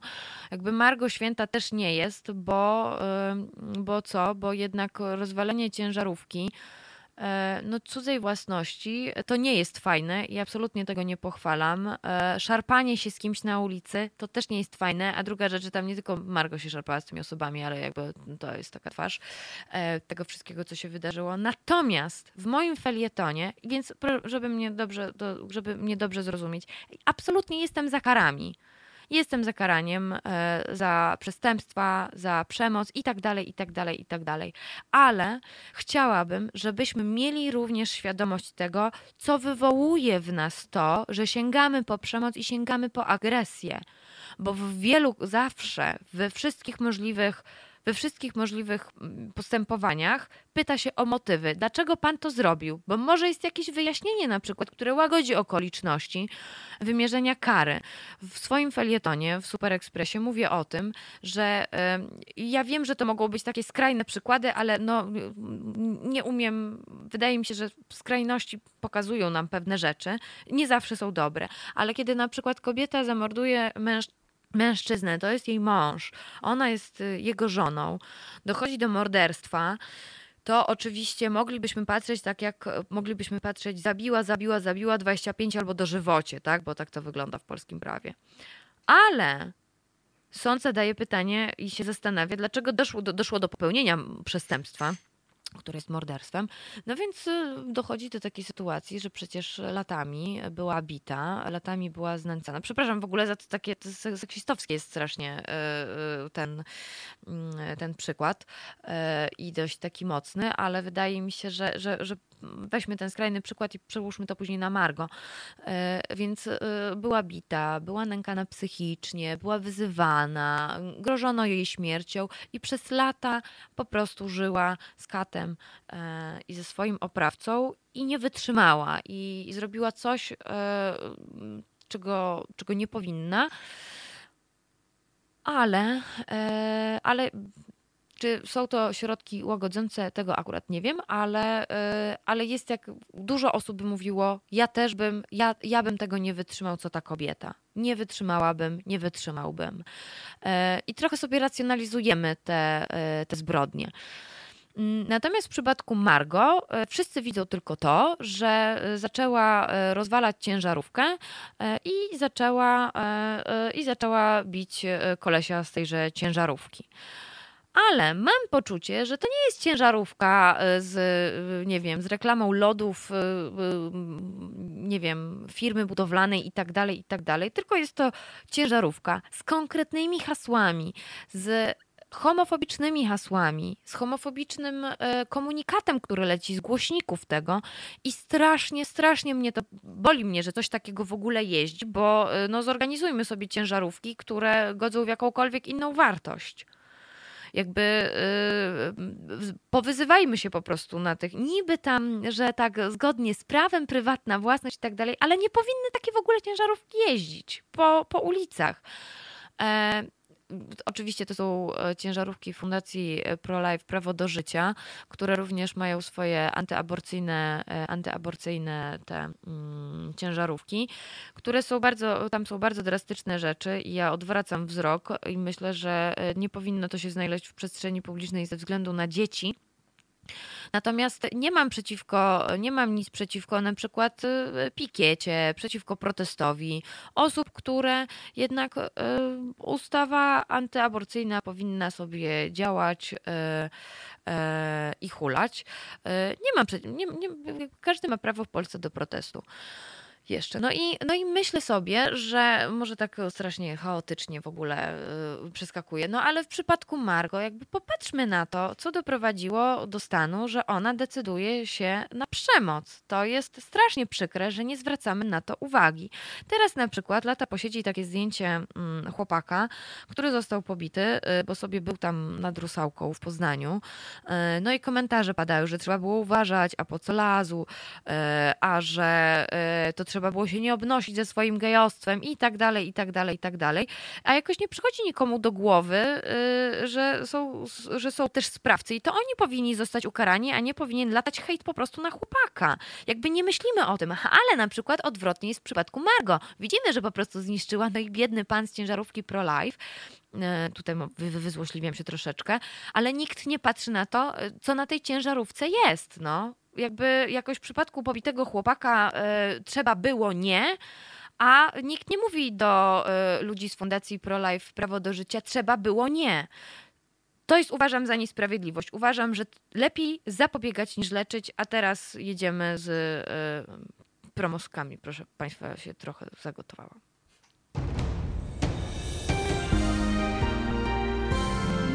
Dziś. Rozmowy bardzo osobiste Beaty Kawki, scenarzystki, reżyserki i aktorki. Znani i bardziej znani odkrywają przed Państwem zupełnie nieznane rozdziały swojego życia. Spokojnie, miło i szczerze. Rozmowy bardzo osobiste Beaty Kawki w Halo Radio od 17 do 19. www.halo.radio. Słuchaj na żywo, a potem z podcastów.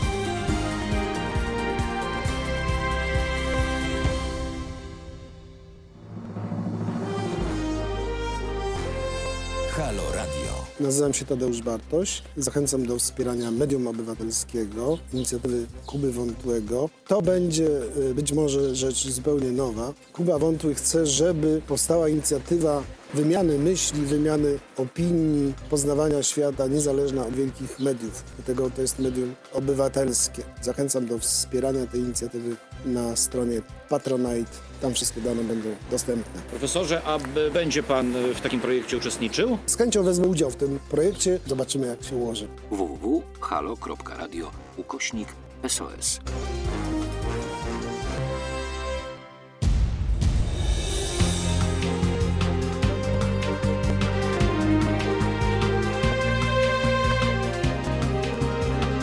Halo Radio.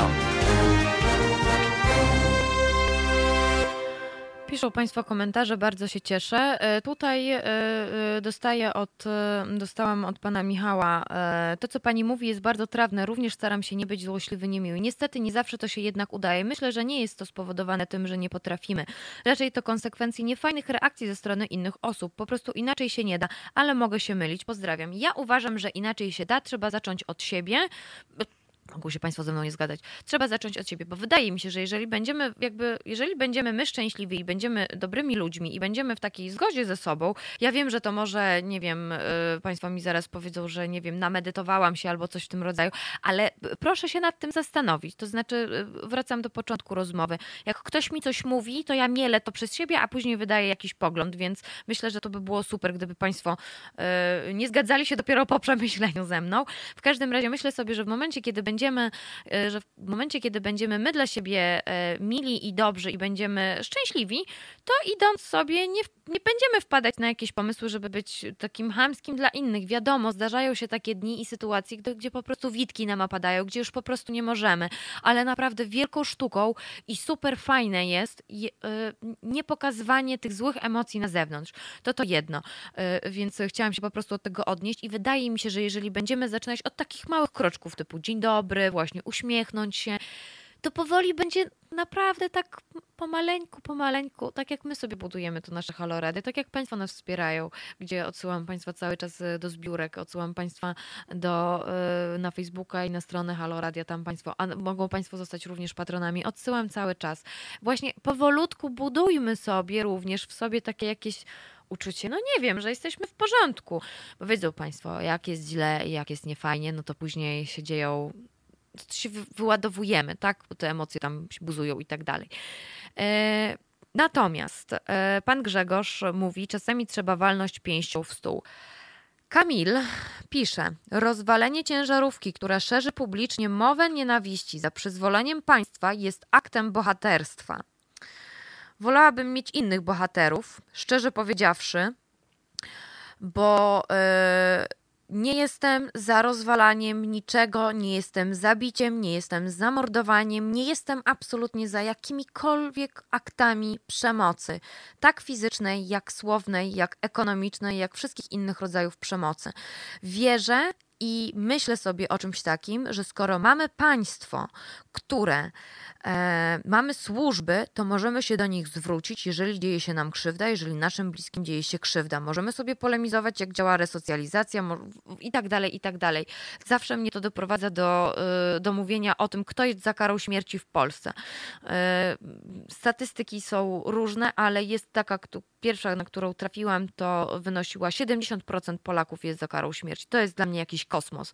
Jakieś, nie wiem, jak można w ogóle rościć sobie prawa do tego, żeby kogoś, kogoś komuś odebrać życie. Jakimi jesteśmy ludźmi w ogóle? W każdym razie e, pani Kamil dopowiada jeszcze, wartość tej ciężarówki jest niczym w porównaniu do krzywd, które doznaje społeczność LGBT. Tak, i ja się z tym absolutnie zgadzam. Dlatego uważam, że należy zapobiegać, a nie leczyć, żeby nie dochodziło do takiej sytuacji. Proszę Państwa, po moim tekście zadzwonił do mnie wczoraj człowiek o poglądach konserwatywnych, bardzo mocno. Człowiek, który jest e, za ustawą antyaborcyjną w najostrzejszej formie, e, który był poruszony moim tekstem, bo stwierdził, że ja jestem za tym, za przemocą. On zaczął mówić mi o tym, że e, to jest człowiek e, po pięćdziesiątce, znam, znamy się, po- powiem tak, e, był bardzo poruszony. Mieliśmy taką, no, dość taką gorącą wymianę zdań, powiedzmy sobie, ale później się to trochę złagodniało, bo doszło do tego, że żadne z nas naprawdę nie chce, żeby dochodziło do takiej sytuacji, jak chodzenie z nożem po ulicy. E, bo rozmowa później e, dziennikarzy z taką matką, której zginął syn, zginęła córka, e, jest przerażająca. Nikt z Państwa nie chciałby rozmawiać z rodzicem, które straciło swoje dziecko. E, nazywanie, e, nazywanie też, e, myślę sobie, że takie.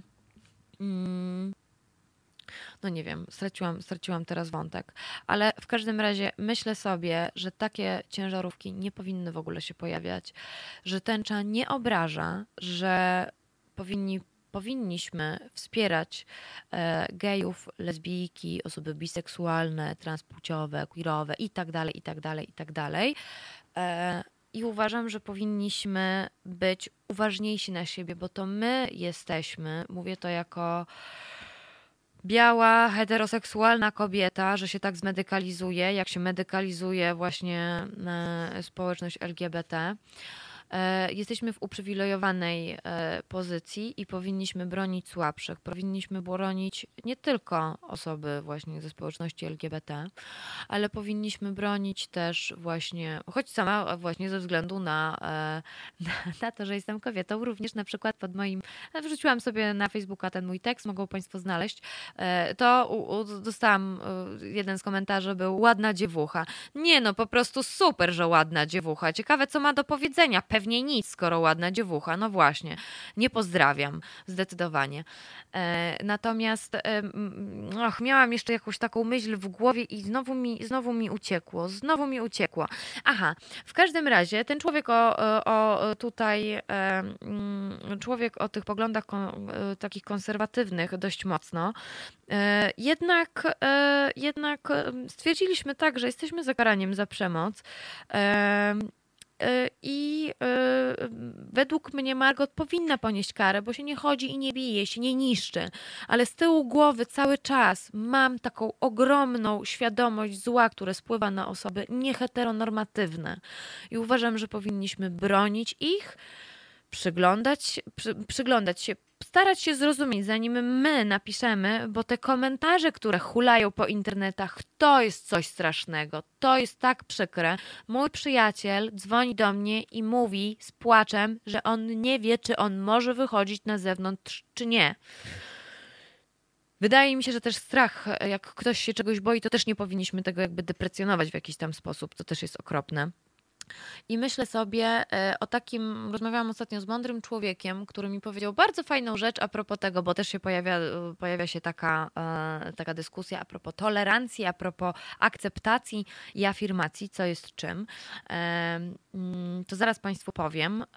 Natomiast odsyłam Państwa, tak, po pierwsze do tego mojego tekstu, które, który jest zatytułowany Ministrze Ziobro to Margot jest ofiarą homofobia, powinna być karana ale też odsyłam Państwa do wyrobienia sobie poglądu, polemikę Mirosława Skowrona. Margot nie jest ofiarą ani pieskiem. Z Martą Woźniak polemizuje Mirosław Skowron. Te dwa teksty znajdą Państwo na stronie Super Expressu i w dziale Super Opinie. E, I zachęcam do przeczytania jednego i drugiego, dlatego że e, myślę, że e, dużo osób zgodzi się zarówno, jeżeli mówimy o jakichś zgodach, ale przeczyta to ja mam, co ja sobie myślę, przeczyta co Mirek ma do powiedzenia i sam wyciągnie sobie wnioski, bo tak wychodzę z założenia, że powinniśmy sami myśleć nad tym, co my myślimy o jakiejś, o jakiejś sprawie. I e, mimo, że polemika Mirka czasami jest dość ostra i tutaj mi wyłuszcza jakieś tam pojedyncze zdania i tak dalej, e, natomiast bardzo się cieszę, że coś takiego w ogóle padło, to, to, to podkreślę. No i teraz e, już w ostatnich dosłownie minutach, bo na zegarach 8.54, a za chwilę rozmawiamy z Wojtkiem Szotem, to chciałam Państwu powiedzieć, że zapytałam ostatnio pewnej osobie, którą bardzo, bardzo cenię i słucham z uwagą, co to jest właściwie ta tolerancja i co to jest ta akceptacja, bo ja to chyba chyba nie, nie, ja nie rozumiem. Ja nie znam różnicy. No i po pewnych dywagacjach doszliśmy, po, pojawił, się, pojawił się taki koncept, że tak, tolerancja, mamy, proszę sobie wyobrazić, jest y, bar y, gay friendly y, w centrum miasta. Tolerancja jest wtedy, kiedy mm, no nie podobają. Możemy mieć jakieś tam zdanie na temat y, lesbijek, gejów, y, osób, y, osób biseksualnych, transpłciowych i tak dalej, ale przechodzimy obok tego baru, pójść na piwo to my tam nie pójdziemy, ale niech se mają, niech se będą. No, niech se będą. Idę dalej. To jest tolerancja. Nie niszczymy, nie krzyczymy, nie wyzywamy. Tolerujemy, po prostu są w społeczeństwie. Akceptacja jest wtedy, kiedy przechodzimy obok tego baru i myślimy sobie, hmm, chce mi się piwa, dobra, pójdę tam. Eee, zaczynamy gadać z barmanem czy z barmanką, jest w sumie fajnie. Natomiast afirmacja jest wtedy, kiedy pojawia się, że zapraszamy jako osoby nieheteronormatywne, ej, chodźcie, jest taki super bar w centrum, super dają, nie wiem, koktajle, piwa, cokolwiek innego, rzemieślnicze, nierzemielnicze, jest bardzo fajna obsługa, wystrój i w ogóle. Więc e, zostawiam Państwa z tą myślą e, do zastanowienia się. Wiem, że komentarze się pojawiają, komentarze są bardzo gorące, ale myślę sobie, ale myślę, się, ale myślę sobie, że to jest bardzo piękne. E, myślę sobie, e, myślę sobie, że piękne jest to, że się różnimy. Tutaj Kamil, nie ma tolerancji dla dyskryminacji i hejtu. E, tutaj wcześniej było również pisane pisane, pisa, pisane. Nie zgadzam się, Margot zaskakuje na ordę za zasługi na rzecz praw człowieka w Polsce. Nie. Według mnie, według mnie podkreślę, nie zasługuje na order. Ale dlaczego, y, dlaczego? To odsyłam, naprawdę odsyłam do tekstu Mirka Skowrona, bo warto zobaczyć, jak rzeczowo można opowiedzieć od drugiej strony o sprawie. Zostawiam Państwa już z tą myślą. Bardzo się cieszę, że Państwo się dołączali do dyskusji. Przepraszam, że, e, że tutaj. E, e, o, pani Kamil, Marta, zastanów się, czy aktywistom Black Lives Matter też byś powiedziała, że nie powinni niszczyć własności publicznej. Kamil, na zegarach jest 8.57. E, e, na zegarach jest 8.57. E, czytanie komentarzy to jest jedna rzecz. Zapraszam na telefon, pewnie na przyszły poranek, bo teraz będziemy mówić zupełnie o czymś innym, albo po prostu o maila. Zapraszam do mojego tekstu, zapraszam do polemiki Mirka Skowrona e, i jakby tak na spokojnie, dobrze? Bo jestem naprawdę przeciw homofobii i działam, działam, nie walczę, działam, bo nie lubię słowa walka. E, A na ordery chyba jednak jeszcze za wcześnie. E, Więc takie jest, takie jest moje zdanie. Bądźmy dla siebie dobrzy i wyróbmy sobie, wyrabiajmy sobie własne opinie. Słyszymy się za moment z Wojtkiem Szotem.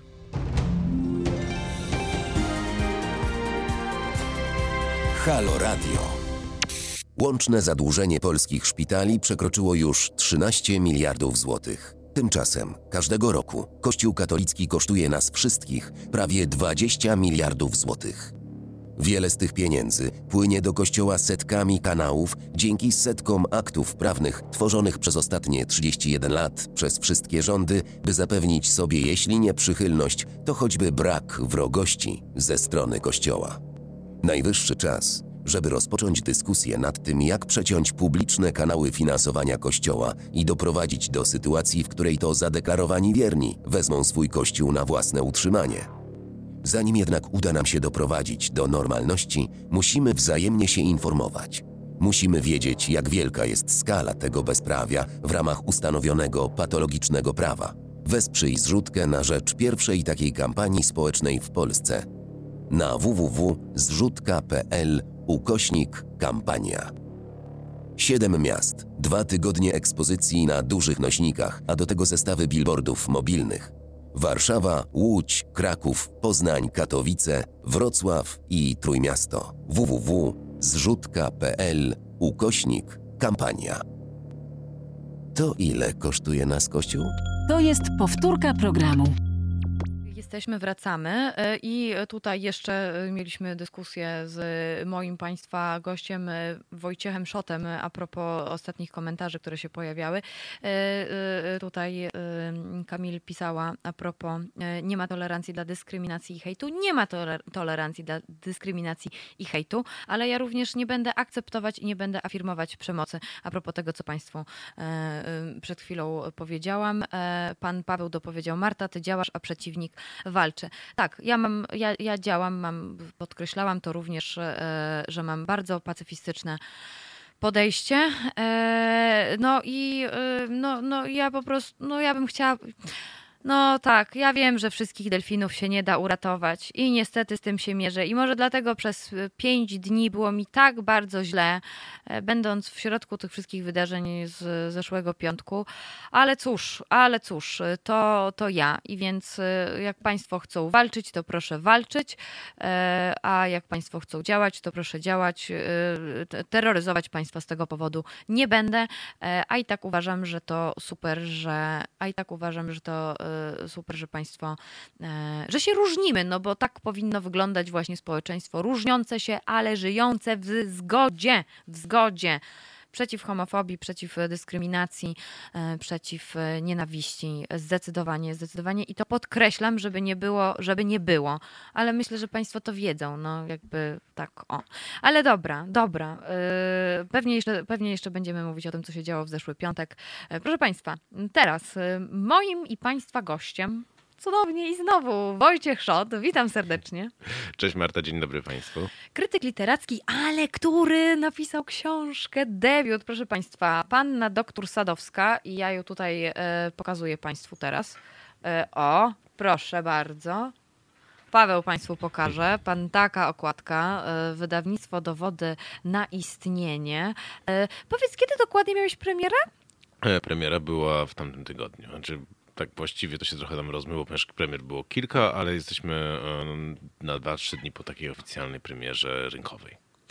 E, a już myślałam, że tego 7 sierpnia to będzie takie, wiesz, akurat znaczące. Wiesz, sierpień 2020, tak? Ruch sierpnia 2020 może założymy niedługo wszyscy wspólnie. No tak, no tak. E, Wojtku, e, no to e, zróbmy, zróbmy, zróbmy taki wstęp właściwie, kim jest tytułowa panna doktor Sadowska. Co to jest za postać? Dlaczego ona wywołała, wywołała taki skandal? E, Czy możemy powiedzieć obyczajowy? No, Zdecydowanie obyczajowy. Obyczajowy skandal w międzywojennej Polsce, ale to też jest kobieta wielu talentów, e, bardzo przedsiębiorcza e, i e, z wielką, z wielką sympatią do niej podchodzę i sobie tak myślę, och, tak działać, tak funkcjonować, tak, och, wiesz, jeszcze do tych pacjentów. To co to jest, kto, kim jest ta cała doktor Sadowska? Zofia Sadowska, można wikipedyjnie powiedzieć, urodzona w 1886 lub 7 roku. E, To taki dramat trochę biografa, że nie do końca wie, w którym roku mu się bohaterka urodziła, ale też sama podawała 1890 później, żeby się odmłodzić. Więc e, była lekarką. Skończyła studia w Petersburgu, urodziła się w Warszawie, skończyła studia w Petersburgu, tam w 1914 roku obroniła doktorat. E, Następnie działała w organizacjach pomagających uchodźcom z Polski. Wcześniej działała w organizacjach kobiecych, związkach feministycznych e, i też studenckich walczących o nową Polskę, o odzyskanie niepodległości. Później działała po uzyskaniu tej niepodległości, działała w ramach e, akcji profrekwencyjnej, prowyborczej, namawiając kobiety do brania udziału w wyborach. E, no i zamieszkała w Warszawie i była znaną lekarką, leczącą w takich kręgach ziemiańskiej magnaterii, całkiem zamożnej, trochę arystokratycznej, trochę przemysłowej. I w 1923 roku w listopadzie prasa brukowa nagle ogłosiła, że na ulicy Mazowieckiej 7, gdzie jest gabinet dr Zofii Sadowskiej, odbywają się lesbijskie orgie. Pani Zofia Sadowska doprowadziła do kilku samobójstw, e, narkotyzuje swoje pacjentki, oczywiście je uwodzi. No i w ogóle całkiem ostro się bawi. E, oczywiście to tak śmiesznie brzmi Biedni teraz. mężczyźni, biedni mężczyźni przez nią tracą żony. Biedni mężczyźni tracą żony, żony stają się wyjałowione, e, smutne i wysuszone. I to naprawdę są. To nie jest tak, że ja sobie teraz tutaj e, naprawdę bardzo brutalnie i brzydko i seksistowsko żartuję. To po prostu teksty były takie. Kiedyś uważano, że jak ktoś staje się gejem, nie było tego słowa akurat jeszcze, tak, ale homoseksualistą lub lesbijką, słowo lesbijka funkcjonowało jak najbardziej w przestrzeni publicznej, no to musi się to odbić jakoś na jego zdrowiu. Właśnie na przykład tym, że będzie taki szczupły, e, przyga- przygarbiony i w ogóle będzie e, no, wyglądał tak jak kloszar troszeczkę. To jest jedna z, oczywiście z opcji, no bo jeszcze inną opcją była taka bogata lesbijka w tiulach e, i obkładająca się poduszeczkami. To jeszcze jest inny, inny wizerunek też lesbijki. Więc pomiędzy jednym wizerunkiem takim totalnego dołu i degeneracja właśnie tej e, lesbijki e, ku uciesze heteroseksualnego oka występującej właściwie, to wszystko oscylowało i w listopadzie prasa właśnie oskarżyła Zofię Sadowską o te rzeczy, o to, że jest lesbijką i Zofia poszła do sądu e, przeciwko gazetom, redaktorom Ekspresu Porannego i Kuriera Czerwonego, oskarżając ich o zniesławienie, ale nie fakt lesbijstwa miał ją zniesławiać. I to jest najważniejsze w tej historii. Ona poszła przeciwko oskarżeniom o te właśnie morderstwa, no rzeczy zawodowe po prostu, ale w sądzie przyznaje, że mówi sąd- sądowi, że fakt tego, że jest lesbijką jej nie hańbi i nie powinien tutaj być w ogóle tematem. No i to, więc mamy 24 rok luty i takie zdanie wygłoszone przez Zofię Sadowską. Trwa proces, ona na tym procesie trochę wygrywa, ale z drugiej strony bardzo niskie kary dostają redaktorzy, e, jak na to, co mogą, można im zasądzić. Sąd uznaje, że jednak mieli interes społeczny w poinformowaniu całego świata, całej Polski o tym, No że właśnie. pani doktor jest lesbijką. Że to było w interesie społecznym. No bo trzeba ochronić e, to zdrowe polskie społeczeństwo przed e, tą straszną postacią. E, Prasa robi całą nagonkę na Zofię Sadowską i różne opisy jej od dzieciństwa przez studia do dorosłości się w niej pojawiają. No i jest tam list właśnie Felicji B., która e, protestuje przeciwko temu, że jak to w ogóle można informować takiej postaci jak Zofia Sadowska, e, no co ona ma swoim wnuczętom biednym powiedzieć, e, jak je ochronić przed e, w ogóle wiedzą o tym, że istnieje jakakolwiek odmienność. No to się mm, nie muszę jakoś bardzo dopowiadać, że pani Felicji B. dzisiaj mamy pewnie sporo e, i nie jest to jakoś bardzo nam nieznany temat. E, Bardzo mi się podobało, bo w książce e, też są uwzględnione, e, jest bardzo dużo, jest bardzo dużo materiału takiego mm, archiwalnego. Ty musiałeś siedzieć nie wychodzić w ogóle chyba z biblioteki, prawda? Bo y, tutaj y, najpierw y, jedna gazeta donosi tak, druga gazeta donosi zupełnie inaczej, a jeszcze trzecia coś, coś, coś innego. Każdy dzień procesu jest opisany. E, I też jest relacja, która bardzo mi się podoba, e, e, w której są, jedna gazeta relacjonowała, jak, jakie były pytania do Zofii Sadowskiej, które były dość kuriozalne. I sobie tak pomyślałam, słucham?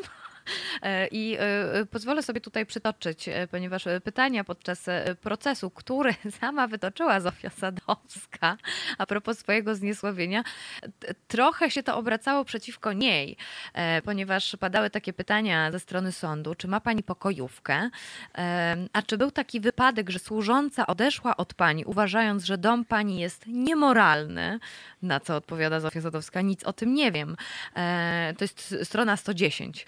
E, Ja Tutaj, ci- tutaj ci- ja wiem.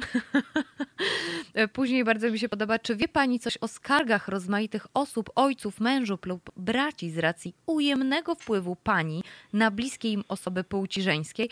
No i w końcu pada pytanie, czy pani posyła kwiaty kobietom? E, Takie padały e, pytania do Zofii Sadowskiej e, podczas e, jej procesu. No. Było też pytanie, czy była pani na kolacji z artystą Junoszą Stępowskim. Sadowska odpowiada naturalnie. Pytanie dalej. Czy nie powiedziała pani raz podczas kolacji w hotelu europejskim do pana Junoszy? Pan i ja mamy największe powodzenie u kobiet w Warszawie. Zofia zaprzeczyła temu, chociaż z drugiej strony bardzo, bardzo ładne zdanie trzeba powiedzieć, że e, wygłosiła. Mm. Ten proces rzeczywiście obrócił się przeciwko niej i to był taki proces trochę Oscara Wilde'a. Koniec końców ona go wygrywa, no ale wiadomo, napiętnowana przez dziesiątki artykułów w prasie brukowej, e, w prasie satyrycznej, ale też poważniejsze, poważniejszych gazetach też informacje o Zofii Sadowskiej e, się pojawiały. Napiętnowana, no musiała z tym jakoś e, żyć, a problem polegał pojawił się w momencie, kiedy Izba Lekarska się dobrała do tej sprawy, ponieważ Izba Lekarska, Sąd Izby Lekarskiej uznał, że jednak też trzeba prześwietlić tą sprawę. To akurat słusznie, skoro pojawiają się takie oskarżenia w gazetach, no to Sąd Izby powinien jednak się temu przyjrzeć. No ale przyjrzano się całkiem dokładnie życiu prywatnemu dr Zofii Sadowskiej e, i w finale, to jest dość długa sprawa, bo trwa kilka lat, ociera się o Najwyższy Sąd Izby Lekarskiej już, Zofia Sadowska traci prawo do wykonywania zawodu lekarki i to, to traci je na stałe. Tylko dzięki temu, że były błędy proceduralne w sprawie, e, ten wyrok skasowano, on uległ kasacji, ale no, Sąd Izby Lekarskiej potępia sam fakt tego, że Zofia Sadowska jest lekarką i lesbijką, nie znajdując absolutnie żadnego potwierdzenia na inne zarzuty, które były jej stawiane. No właśnie, o tym e, powiemy sobie, bo uważam, że to też jest ważne e, za moment, e, bo tutaj Paweł, Paweł mi teraz wrzucimy sobie linery i zrobimy sobie taką chwilę oddechu na minutę, bo mnie natomiast bardzo, ba, bardzo mi się podobało to, jak w książce opisujesz, czy właśnie lesbijstwo jest karane, czy też nie. I e, tutaj e, rzecz tyczy się jeszcze nawet zaborów, e, bo w e, satyrycznej prasie również e, pojawiały się, czy w ogóle w dziennikach pojawiały się również e, szereg e, rzeczy, że gdyby Zofia pojechała dwa, e, dwa przystanki za Częstochowę, to by trafiła do więzienia bez dwóch zdań. Więc o tym sobie powiemy już za moment. Proszę proszę z nami zostać. Natomiast przypominam cały czas, że jeżeli mają Państwo pytania, że jeżeli Państwo yy, chcą zadzwonić, yy, coś dopowiedzieć, teraz małpahalo.radio, podzielić się refleksją. Teraz małpahalo.radio. Do dyspozycji mają Państwo również dwa czaty. Jeden jest na YouTubie w transmisji, drugi jest na Facebooku w transmisji, ale też bardzo czekamy na telefony 22 39 059 22. Słyszymy się już za moment. Halo Radio. Nazywam się Adam Bodnar, pełnię funkcję Rzecznika Praw Obywatelskich. Szanowni Państwo, zachęcam Państwa do wspierania Halo Radio. Każda złotówka się liczy, każda wpłata, darowizna, stałe zlecenie na koncie. Ja również Co miesiąc wspieram Halo Radio. Zachęcam Państwa również do tego samego. www.halo.radio ukośnik SOS. Słuchacie powtórek najciekawszych programów z mijającego tygodnia. Niech no ja sobie nałożę słuchawki, bo tak będzie mi po prostu lepiej i wygodniej. O, założyłam. E, Już wszystko w porządku. E, Właśnie tutaj e, mówię Wojtkowi, że nawet sobie serduszko przy tym namalowałam, bo jednak jest bardzo dużo w tej książce, jeżeli Państwo lubią, lubią reportaż historyczny, gdzie jest dużo, dużo archiwalnych e, tekstów, to zdecydowanie muszą Państwo sięgnąć po do, pannę doktor Sadowską, y, bo tutaj są na przykład takie zdania w cudzysłowie, tylko dwaj emeryci, zatabaczone typy z czasów niemal księstwa warszawskiego. Bardzo mi się podobało, bardzo mi się podobało. Nie wiedzą nic o procesie lesbijskim, bo to nie lesbos, ani o mesalce. Znają me Mesalinę. Więc e, tak, tutaj chodziło o e, Lucynę me, mesa, Messal, tak, Lucynę Messal, wielką gwiazdę, wtedy operetki. No właśnie. Aha, no tak, bo na procesie to w ogóle jeszcze były jakieś takie osoby. Ja mam... Han- Hanka Ordonówna była, Lucyna Messal, wtedy wielka gwiazda Maria Majdrowiczówna, to dzisiaj e, postać już mniej znana, więc e, no taki, no trochę jakby Doda z Justyną Steczkowską przyszły dzisiaj na czyjś proces, tak? E, e, no tak to wygląda. Mm. A ten fragment, który cytujesz, jest rzeczywiście z takiego opisu w gazecie, gdzie e, redaktor piszący pisze o tym, jak w Polsce ludzie reagują na proces dr Sadowskiej. No i ten temat, który wywołaliśmy wcześniej, e, czyli tego, co gdzie było karane i jak to wyglądało. O, no właśnie. No właśnie bałagan mieliśmy straszny. Mieliśmy bardzo duży bałagan, ponieważ po 1918 roku my, Polska odziedziczyła trzy kodeksy karne. Zależnie od e, terenu byłego zaboru, e, ten kodeks obowiązywał. Czyli do 1932 roku na terenie Rzeczpospolitej obowiązywały trzy różne kodeksy karne. Rosyjski z 1904 roku, niemiecki jeszcze wcześniejszy i austriacki. W rosyjskim i niemieckim kodeksie karnym homoseksualizm męski był wyłącznie karany. Zresztą to jest też nie do końca jasne ze względu na to, że rosyjskim to była sodomia i pederastia, więc to też pytanie, jak to co zdefiniował, ale sądy w latach 20. polskie potrafiły to definiować na swój użytek. Ale w kodeksie austriackim e, stosunki damsko-damskie, lesbijskie były również karane, więc e, rzeczywiście jakby Zofia Sadowska wyjechała do byłego zaboru austriackiego na terenie Rzeczpospolitej, no to podlegałaby karze w tym momencie. Jest taki mit, który ja staram się troszeczkę obalić w tej książce, a będę chciał go jeszcze pewnie obalać w innych książkach, e, że w międzywojniu nie skazywano w Polsce osób homoseksualnych, że jakby te paragrafy były martwe. E, To jest chętnie, my chętnie widzimy, bo my lubimy siebie widzieć jako tych dobrych zawsze e, i po dobrej stronie mocy w historii, tych sprawiedliwych, a tak nie było. Wystarczy popatrzeć na statystyki sądów, e, które są publikowane.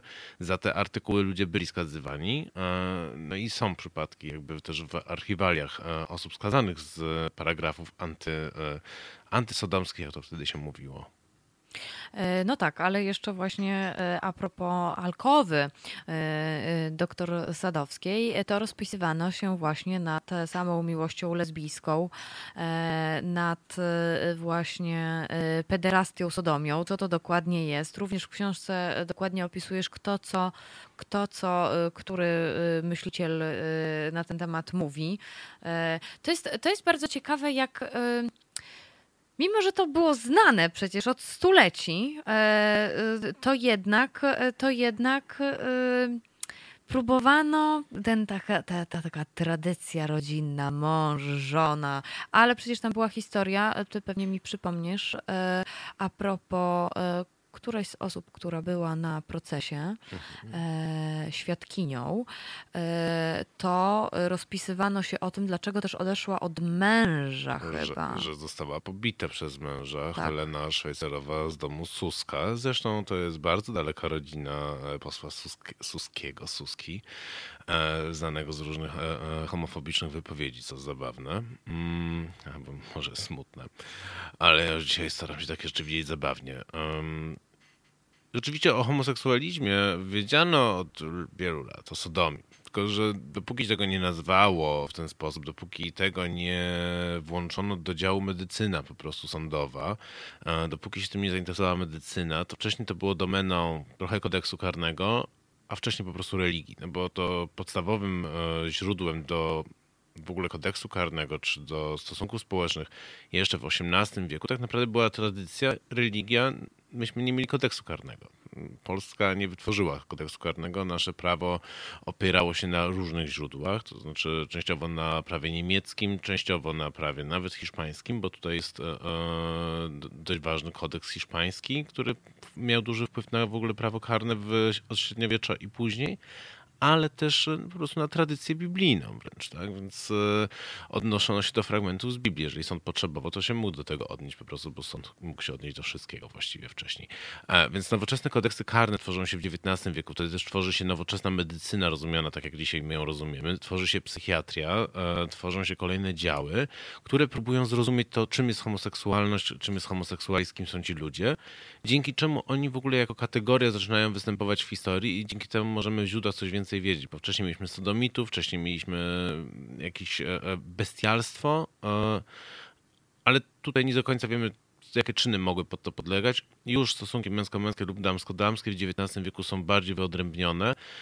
No i zaczyna się to takich niesamowitych badań we Francji pana Tardieu, lekarza, który badał pederastów, kenedów, jak on o, o nich mówił wtedy, e, no to, to niesam, niesamowicie pozmyślał, jak, jak rozpoznać e, e, pederastę. Pederaści mieli mieć szpiczasto zakończone penisy, na przykład według niego. I to podobno dowiódł na stu przypadkach. Mm. No bardzo ciekawe czasy musiały być. No i, i wtedy pojawiły się pierwsze badania, właśnie próba opisu zjawiska. E, Dopiero po iluś latach się okazało, że e, homoseksualiści zasadniczo pod względem wyglądu jednak nie różnią się wcale od nikogo i tak nie jest tak łatwo ich rozpoznać. No i wtedy uznano, że to jest niebezpieczne, bo skoro nie można rozpoznać, no to oni mogą być wśród nas, to oni mogą zarażać. No i tak samo Zofia Sadowska mogła swoim lesbianizmem zarażać. No tak. e, e, No i zarażała tak, że o tym, co się działo e, przy Mazowieckiej 7 czy przy jej mieszkaniu na Placu Trzech Krzyży, to się działy dantejskie sceny, lesbijskie orgie. Oczywiście tutaj ulubienicą dr Sadowskiej była Safo. E, I, I tak dalej, i tak dalej, i tak dalej. Proszę Państwa, zrobimy sobie chwilę e, oddechu i e, Pa- Pawle, na co robimy sobie oddech? Szup, szup, song, share. O, tak to wymyśliłeś. E, To zaraz się jeszcze troszeczkę pośmiejemy przez łzy, bo bardzo kocham w książce Wojtka e, wstawki z satyrycznych akurat, e, satyrycznej prasy o tym, no i to, to dosłownie to jest śmiech przez łzy, bo no są to no, o, o, znaczy okropne, aczkolwiek niektóre są dowcipne. Wymyślne. Wymyślne. O, to tak. Więc e, słyszymy się e, za chwilę. Halo Radio. Halo Radio, medium obywatelskie. Warto go wspierać, warto go wsłuchać. Monika Płatek. www.halo.radio ukośnik SOS. Słuchajcie powtórki programu. Jestem jeszcze ja i Wojtek Szot i Paweł. Jesteśmy z Państwem jeszcze 15 minut, więc to jest właściwie ostatni gwizdek. Na telefony 22 39 059 22, na maile teraz małpa halo.radio, a także na komentarze y, Państwa, czatowników, y, czatujących na, y, na Facebooku albo na, na YouTubie w dwóch transmisjach dostępnych. Jest jeszcze Mixcloud, y, gdzie mogą Państwo słyszeć piosenki, bo tu zawsze są takie awantury, że a dlaczego nic nie słychać, dlaczego nic nie słychać. No nie słychać, bo nie może być słychać. E, Wracamy do e, dr Zofii Sadowskiej, do e, książki Wojtka Szota, wydanej nakładem wydawnictwa mm, Dowody na istnienie. Panna doktor Sadowska, która... No Wojtek, ty się w takiego biografa zabawiłeś, a nie chciałeś. Trochę nie chciałem, trochę chciałem na początku być bardziej przewodnikiem po tych właśnie źródłach i po tym, co ta, jak pisano w ogóle, jak mówiono, czy w prasie codziennej, czy w satyrycznej, czy w materiałach bardziej już naukowych o homoseksualizmie, o lesbijstwie szczególnie. E, W trakcie wyszło, że jednak są też materiały późniejsze dotyczące życia Zofii Sadowskiej w czasie wojny, po wojnie. E, Jest jej testament chociażby, jest sprawa spadkowa, więc to są takie dla biografa zawsze dobre materiały. Więc kiedy się okazało, że jest tych materiałów więcej, rozszerzyłem to po prostu już cały biogram Zofii Sadowskiej e, od urodzenia do śmierci. Na tym też się zatrzymując trochę, bo bardzo nie chciałem biegać po mieście i szukać e, ludzi, którzy pamiętają Zofię Sadowską, czy kogoś, kto może coś znać, ponieważ ja poznałem kilka takich osób i wszystkie jakby bardzo łatwo było im zasugerować, co mają mówić. To było tak proste, że ponieważ oni pamiętali, no, że taka osoba była i pamiętali, że była kłótliwa. To były dwie rzeczy, które oni pamiętali. I, I jakby dopytując, ja widziałem, że raczej oni są bardzo mi odpowiedzieć na moje pytania, Mm, jakby to już nie za bardzo ma sens dalej, więc e, ja się zatrzymałem rzeczywiście na archiwaliach i na tym, co mogłem wyczytać e, i na tym, co mogłem znaleźć, a no, to, co się znajduje właśnie w prasie satyrycznej, tak jak wspomnieliśmy, e, no, to są porażające dowcipy, czasem Czasem odrobinę rzeczywiście ironicznie dobrze ułożone. One nie są źle skonstruowane, ale no, nie powiedzielibyśmy dzisiaj, że są śmieszne w jakimkolwiek sposób. O niej pisali Wrzechwa, pisał Tuwim, pisał Włast. E, oni wszyscy tworzyli takie dowcipy, to pisali nie tylko dla kabaretów, ale również dla prasy satyrycznej. To były często bardzo niewybredne opowieści.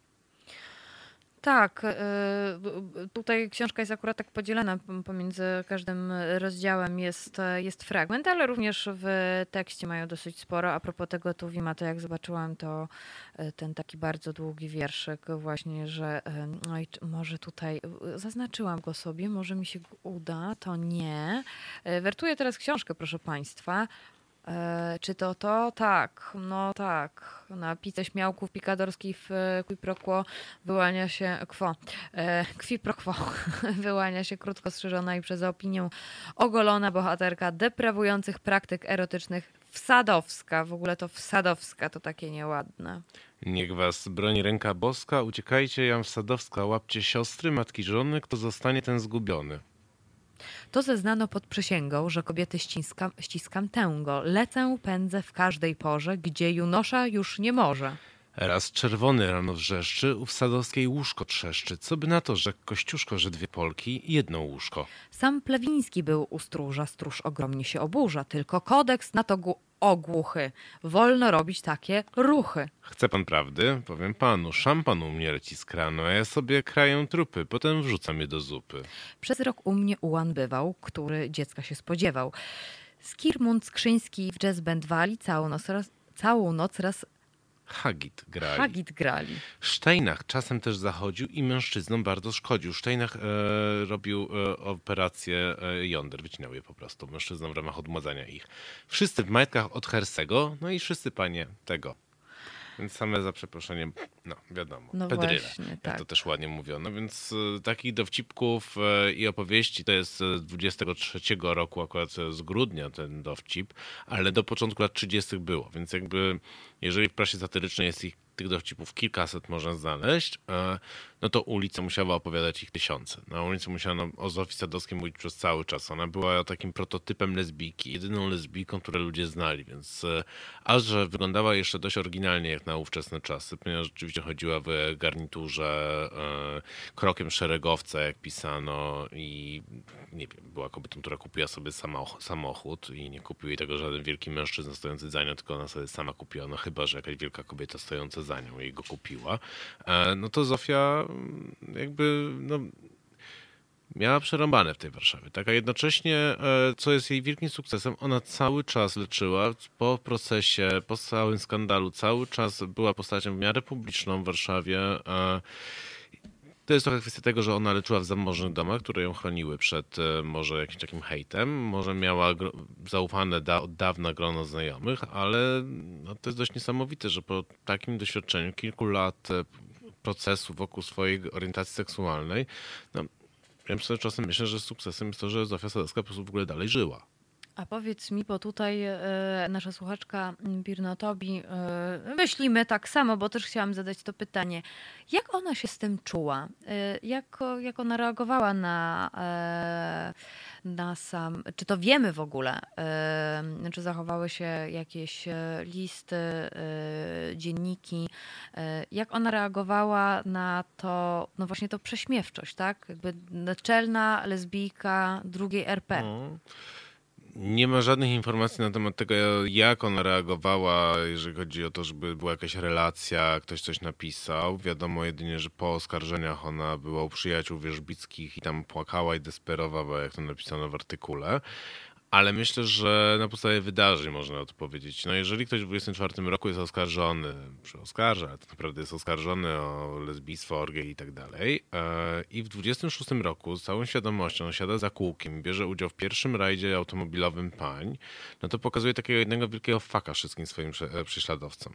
No bo ona była świadoma tego, że siadając za tą kierownicą, e, biorąc udział w tym rajdzie, gdzie jest tylko kilkanaście pań, e, przeważnie z e, dość bogatych, zamo- zamożnych rodzin, często dystryb- jakichś handlowców, producentów i tak dalej, wiedząc, że będzie całe miasto na to patrzeć, że prasa będzie o tym pisać, no to Zofia Sadowska miała tego świadomość, że będzie znowu na oczach wszystkich i ona znowu to robi, tak? Znowu się wszystkim pokazuje, więc e, na pewno była bezkompromisowa. Zresztą z późniejszych lat widać e, różnych decyzji, informacji o Zofii, że była osobą raczej e, no, prącą do przodu bardzo konsekwentnie.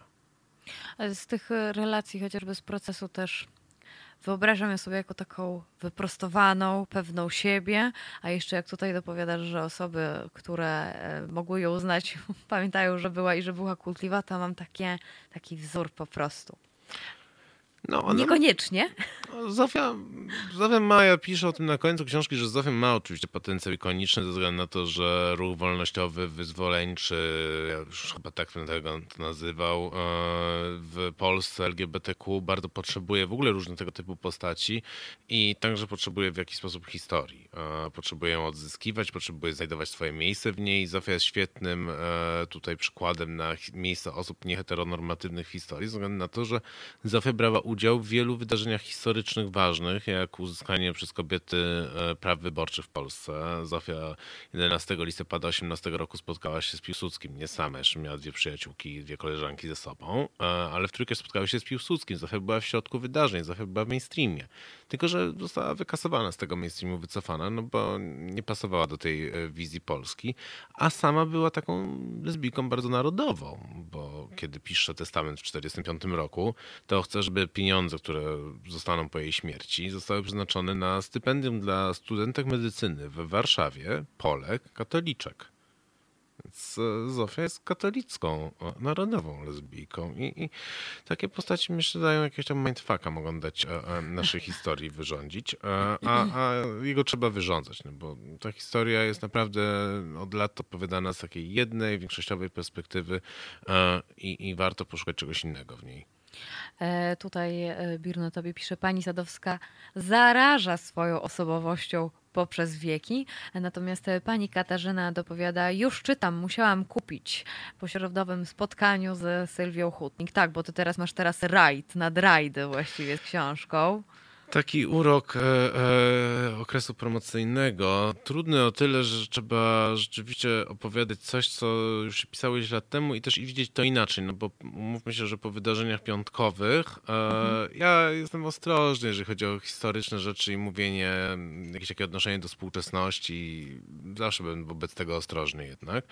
A teraz jestem trochę mniej ostrożny. Teraz jednak widzę w tej postaci rzeczywiście taką osobę, z, wczoraj mi zadano pytanie, co by robiła Zofia Sadowska właśnie w ten piątek. Ja myślę, że Zofia Też o Sadowska... tym myślałam. Co prawda nie wzięłaby udziału w spacerze po krakowskim przedmieściu ani chodzeniu po furgonetce, e, bo na to pewnie by była zbyt poważna, może jakaś zdystansowana, ale ona na pewno by organizowała pomoc medyczną i sanitarną i prawną e, wokół tego. E, I, I myślę, że e, jej wypowiedzi w mediach byłyby równie mocno cytowane jak w 24 roku, więc e, tak, ja myślę, że Zofia byłaby z tyłu i zarządzała tym silną ręką. A, a inni by sobie chodzili po krakowskim przedmieściu i po furgonetkach.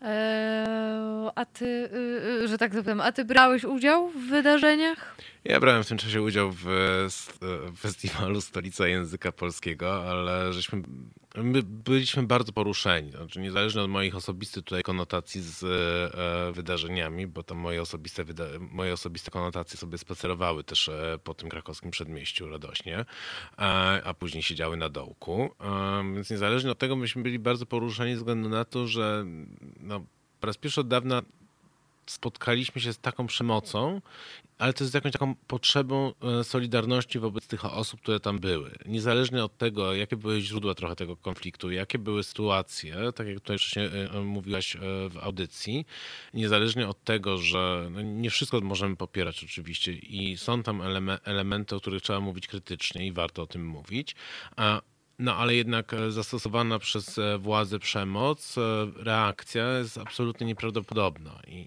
I to, co się wydarzyło, też nie trzyma się żadnych procedur, nie trzyma się żadnych ram prawnych, co zresztą prawnicy będą pewnie przez najbliższe miesiące dochodzić tutaj o sprawiedliwości. Więc to, co się wydarzyło, jest tragiczne. Myśmy się bardzo mocno zorganizowali. Po raz pierwszy miałem takie poczucie, że ta warszawska mocno inteligencja rzeczywiście mówi jednym głosem i nie mówi na warunkach. Nie mówi em, poprzemy was, ale tylko e, robi to bezwarunkowo.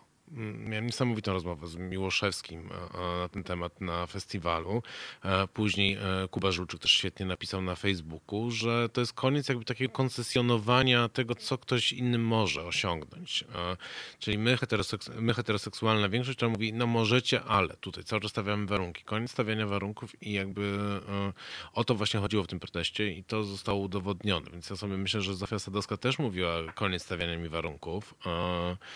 Oczywiście czasy były inne i wsparcie było mniejsze, ale to, co mówiłem wcześniej, to, że Zofia przeżyła to wszystko i umiera dopiero w roku 60, e, no to, to jest jakimś sukcesem jej i tego jej grupy wsparcia.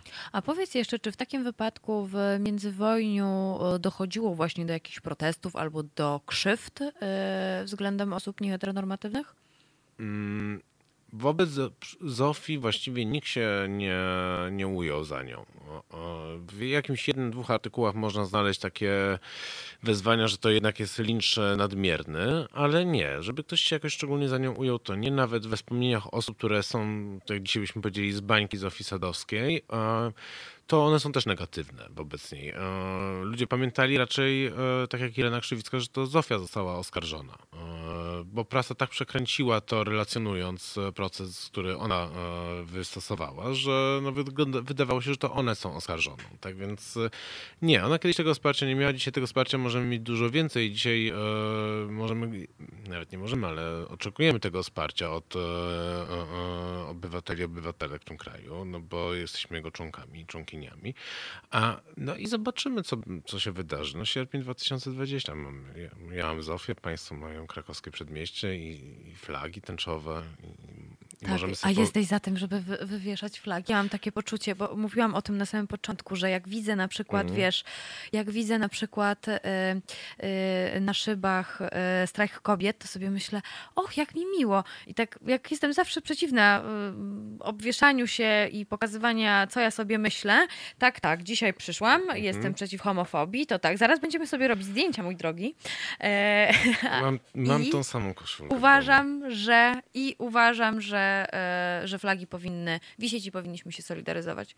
Wojtku, bardzo Ci dziękujemy. Chcesz jeszcze powiedzieć coś? E, Ja chcę powiedzieć, że ja osobiście nie lubię jakoś szczególnie koloru tęczowego i, i tęczowego wzorku, ale no w tej sytuacji jakby no, ciężko tutaj swoje estetyczne e, wartości, że tak powiem, przedkładać na wartości obywatelskie i, i oczywiście trzeba. To trzeba. E, proszę Państwa, słyszę, ja się z Państwem słyszę jutro między godziną 11 a 13. E, nazywam się Marta Woźniak. Dziękuję za nasze wspólne trzy godziny. Realizował Paweł. Bądźcie zdrowi, bądźcie bezpieczni i bądźcie uśmiechnięci i dobrzy dla innych. Wszystkiego dobrego. Pa! Cześć. Halo Radio. Po co nam Halo Radio? Gdyby przez ostatnich 30 lat większość mediów nie układała się z politykami, to nie bylibyśmy potrzebni. Już dawno temu media zapomniały, że powinny być dla ludzi, a nie po to, żeby wspierać konkretnych polityków. W Halo Radiu wierzymy w etos pracy dziennikarza oraz w to, że media nie mogą opowiadać się za jakąkolwiek partią ani politykiem, ani schlebiać waszym prywatnym politycznym sympatiom. Jesteśmy od tego, żeby patrzeć politykom na ręce. Każde odpowiedzialne medium powinno mówić o politykach wyłącznie wtedy, gdy sprzeniewierzają się zasadom współżycia społecznego, prawom obywatelskim czy demokracji. Jeśli polityk pracuje dobrze, to nie mówimy o nim, bo przecież robi dokładnie to, czego od niego oczekujemy, za co mu płacimy. Nie mówi się wszak o wizycie w warsztacie, gdy auto jest sprawne. Nieprawdaż? Media muszą być krytyczne wobec wszystkiego i wszystkich. Taka powinna być ich rola. Drodzy Państwo, nie oczekujcie od nas, że będziemy przychylni Waszym politycznym wyborom. Będziemy natomiast mozolnie szukać dziury w całym. Po 30 latach polityczno-medialnego bagna to właśnie chcemy robić i robimy. I dlatego prosimy Was o stałe wspieranie naszej działalności www.halo.radio ukośnik SOS. Dziękujemy i życzymy dobrego odbioru Halo Radia, pierwszego medium obywatelskiego dla myślących i krytycznych Polaków.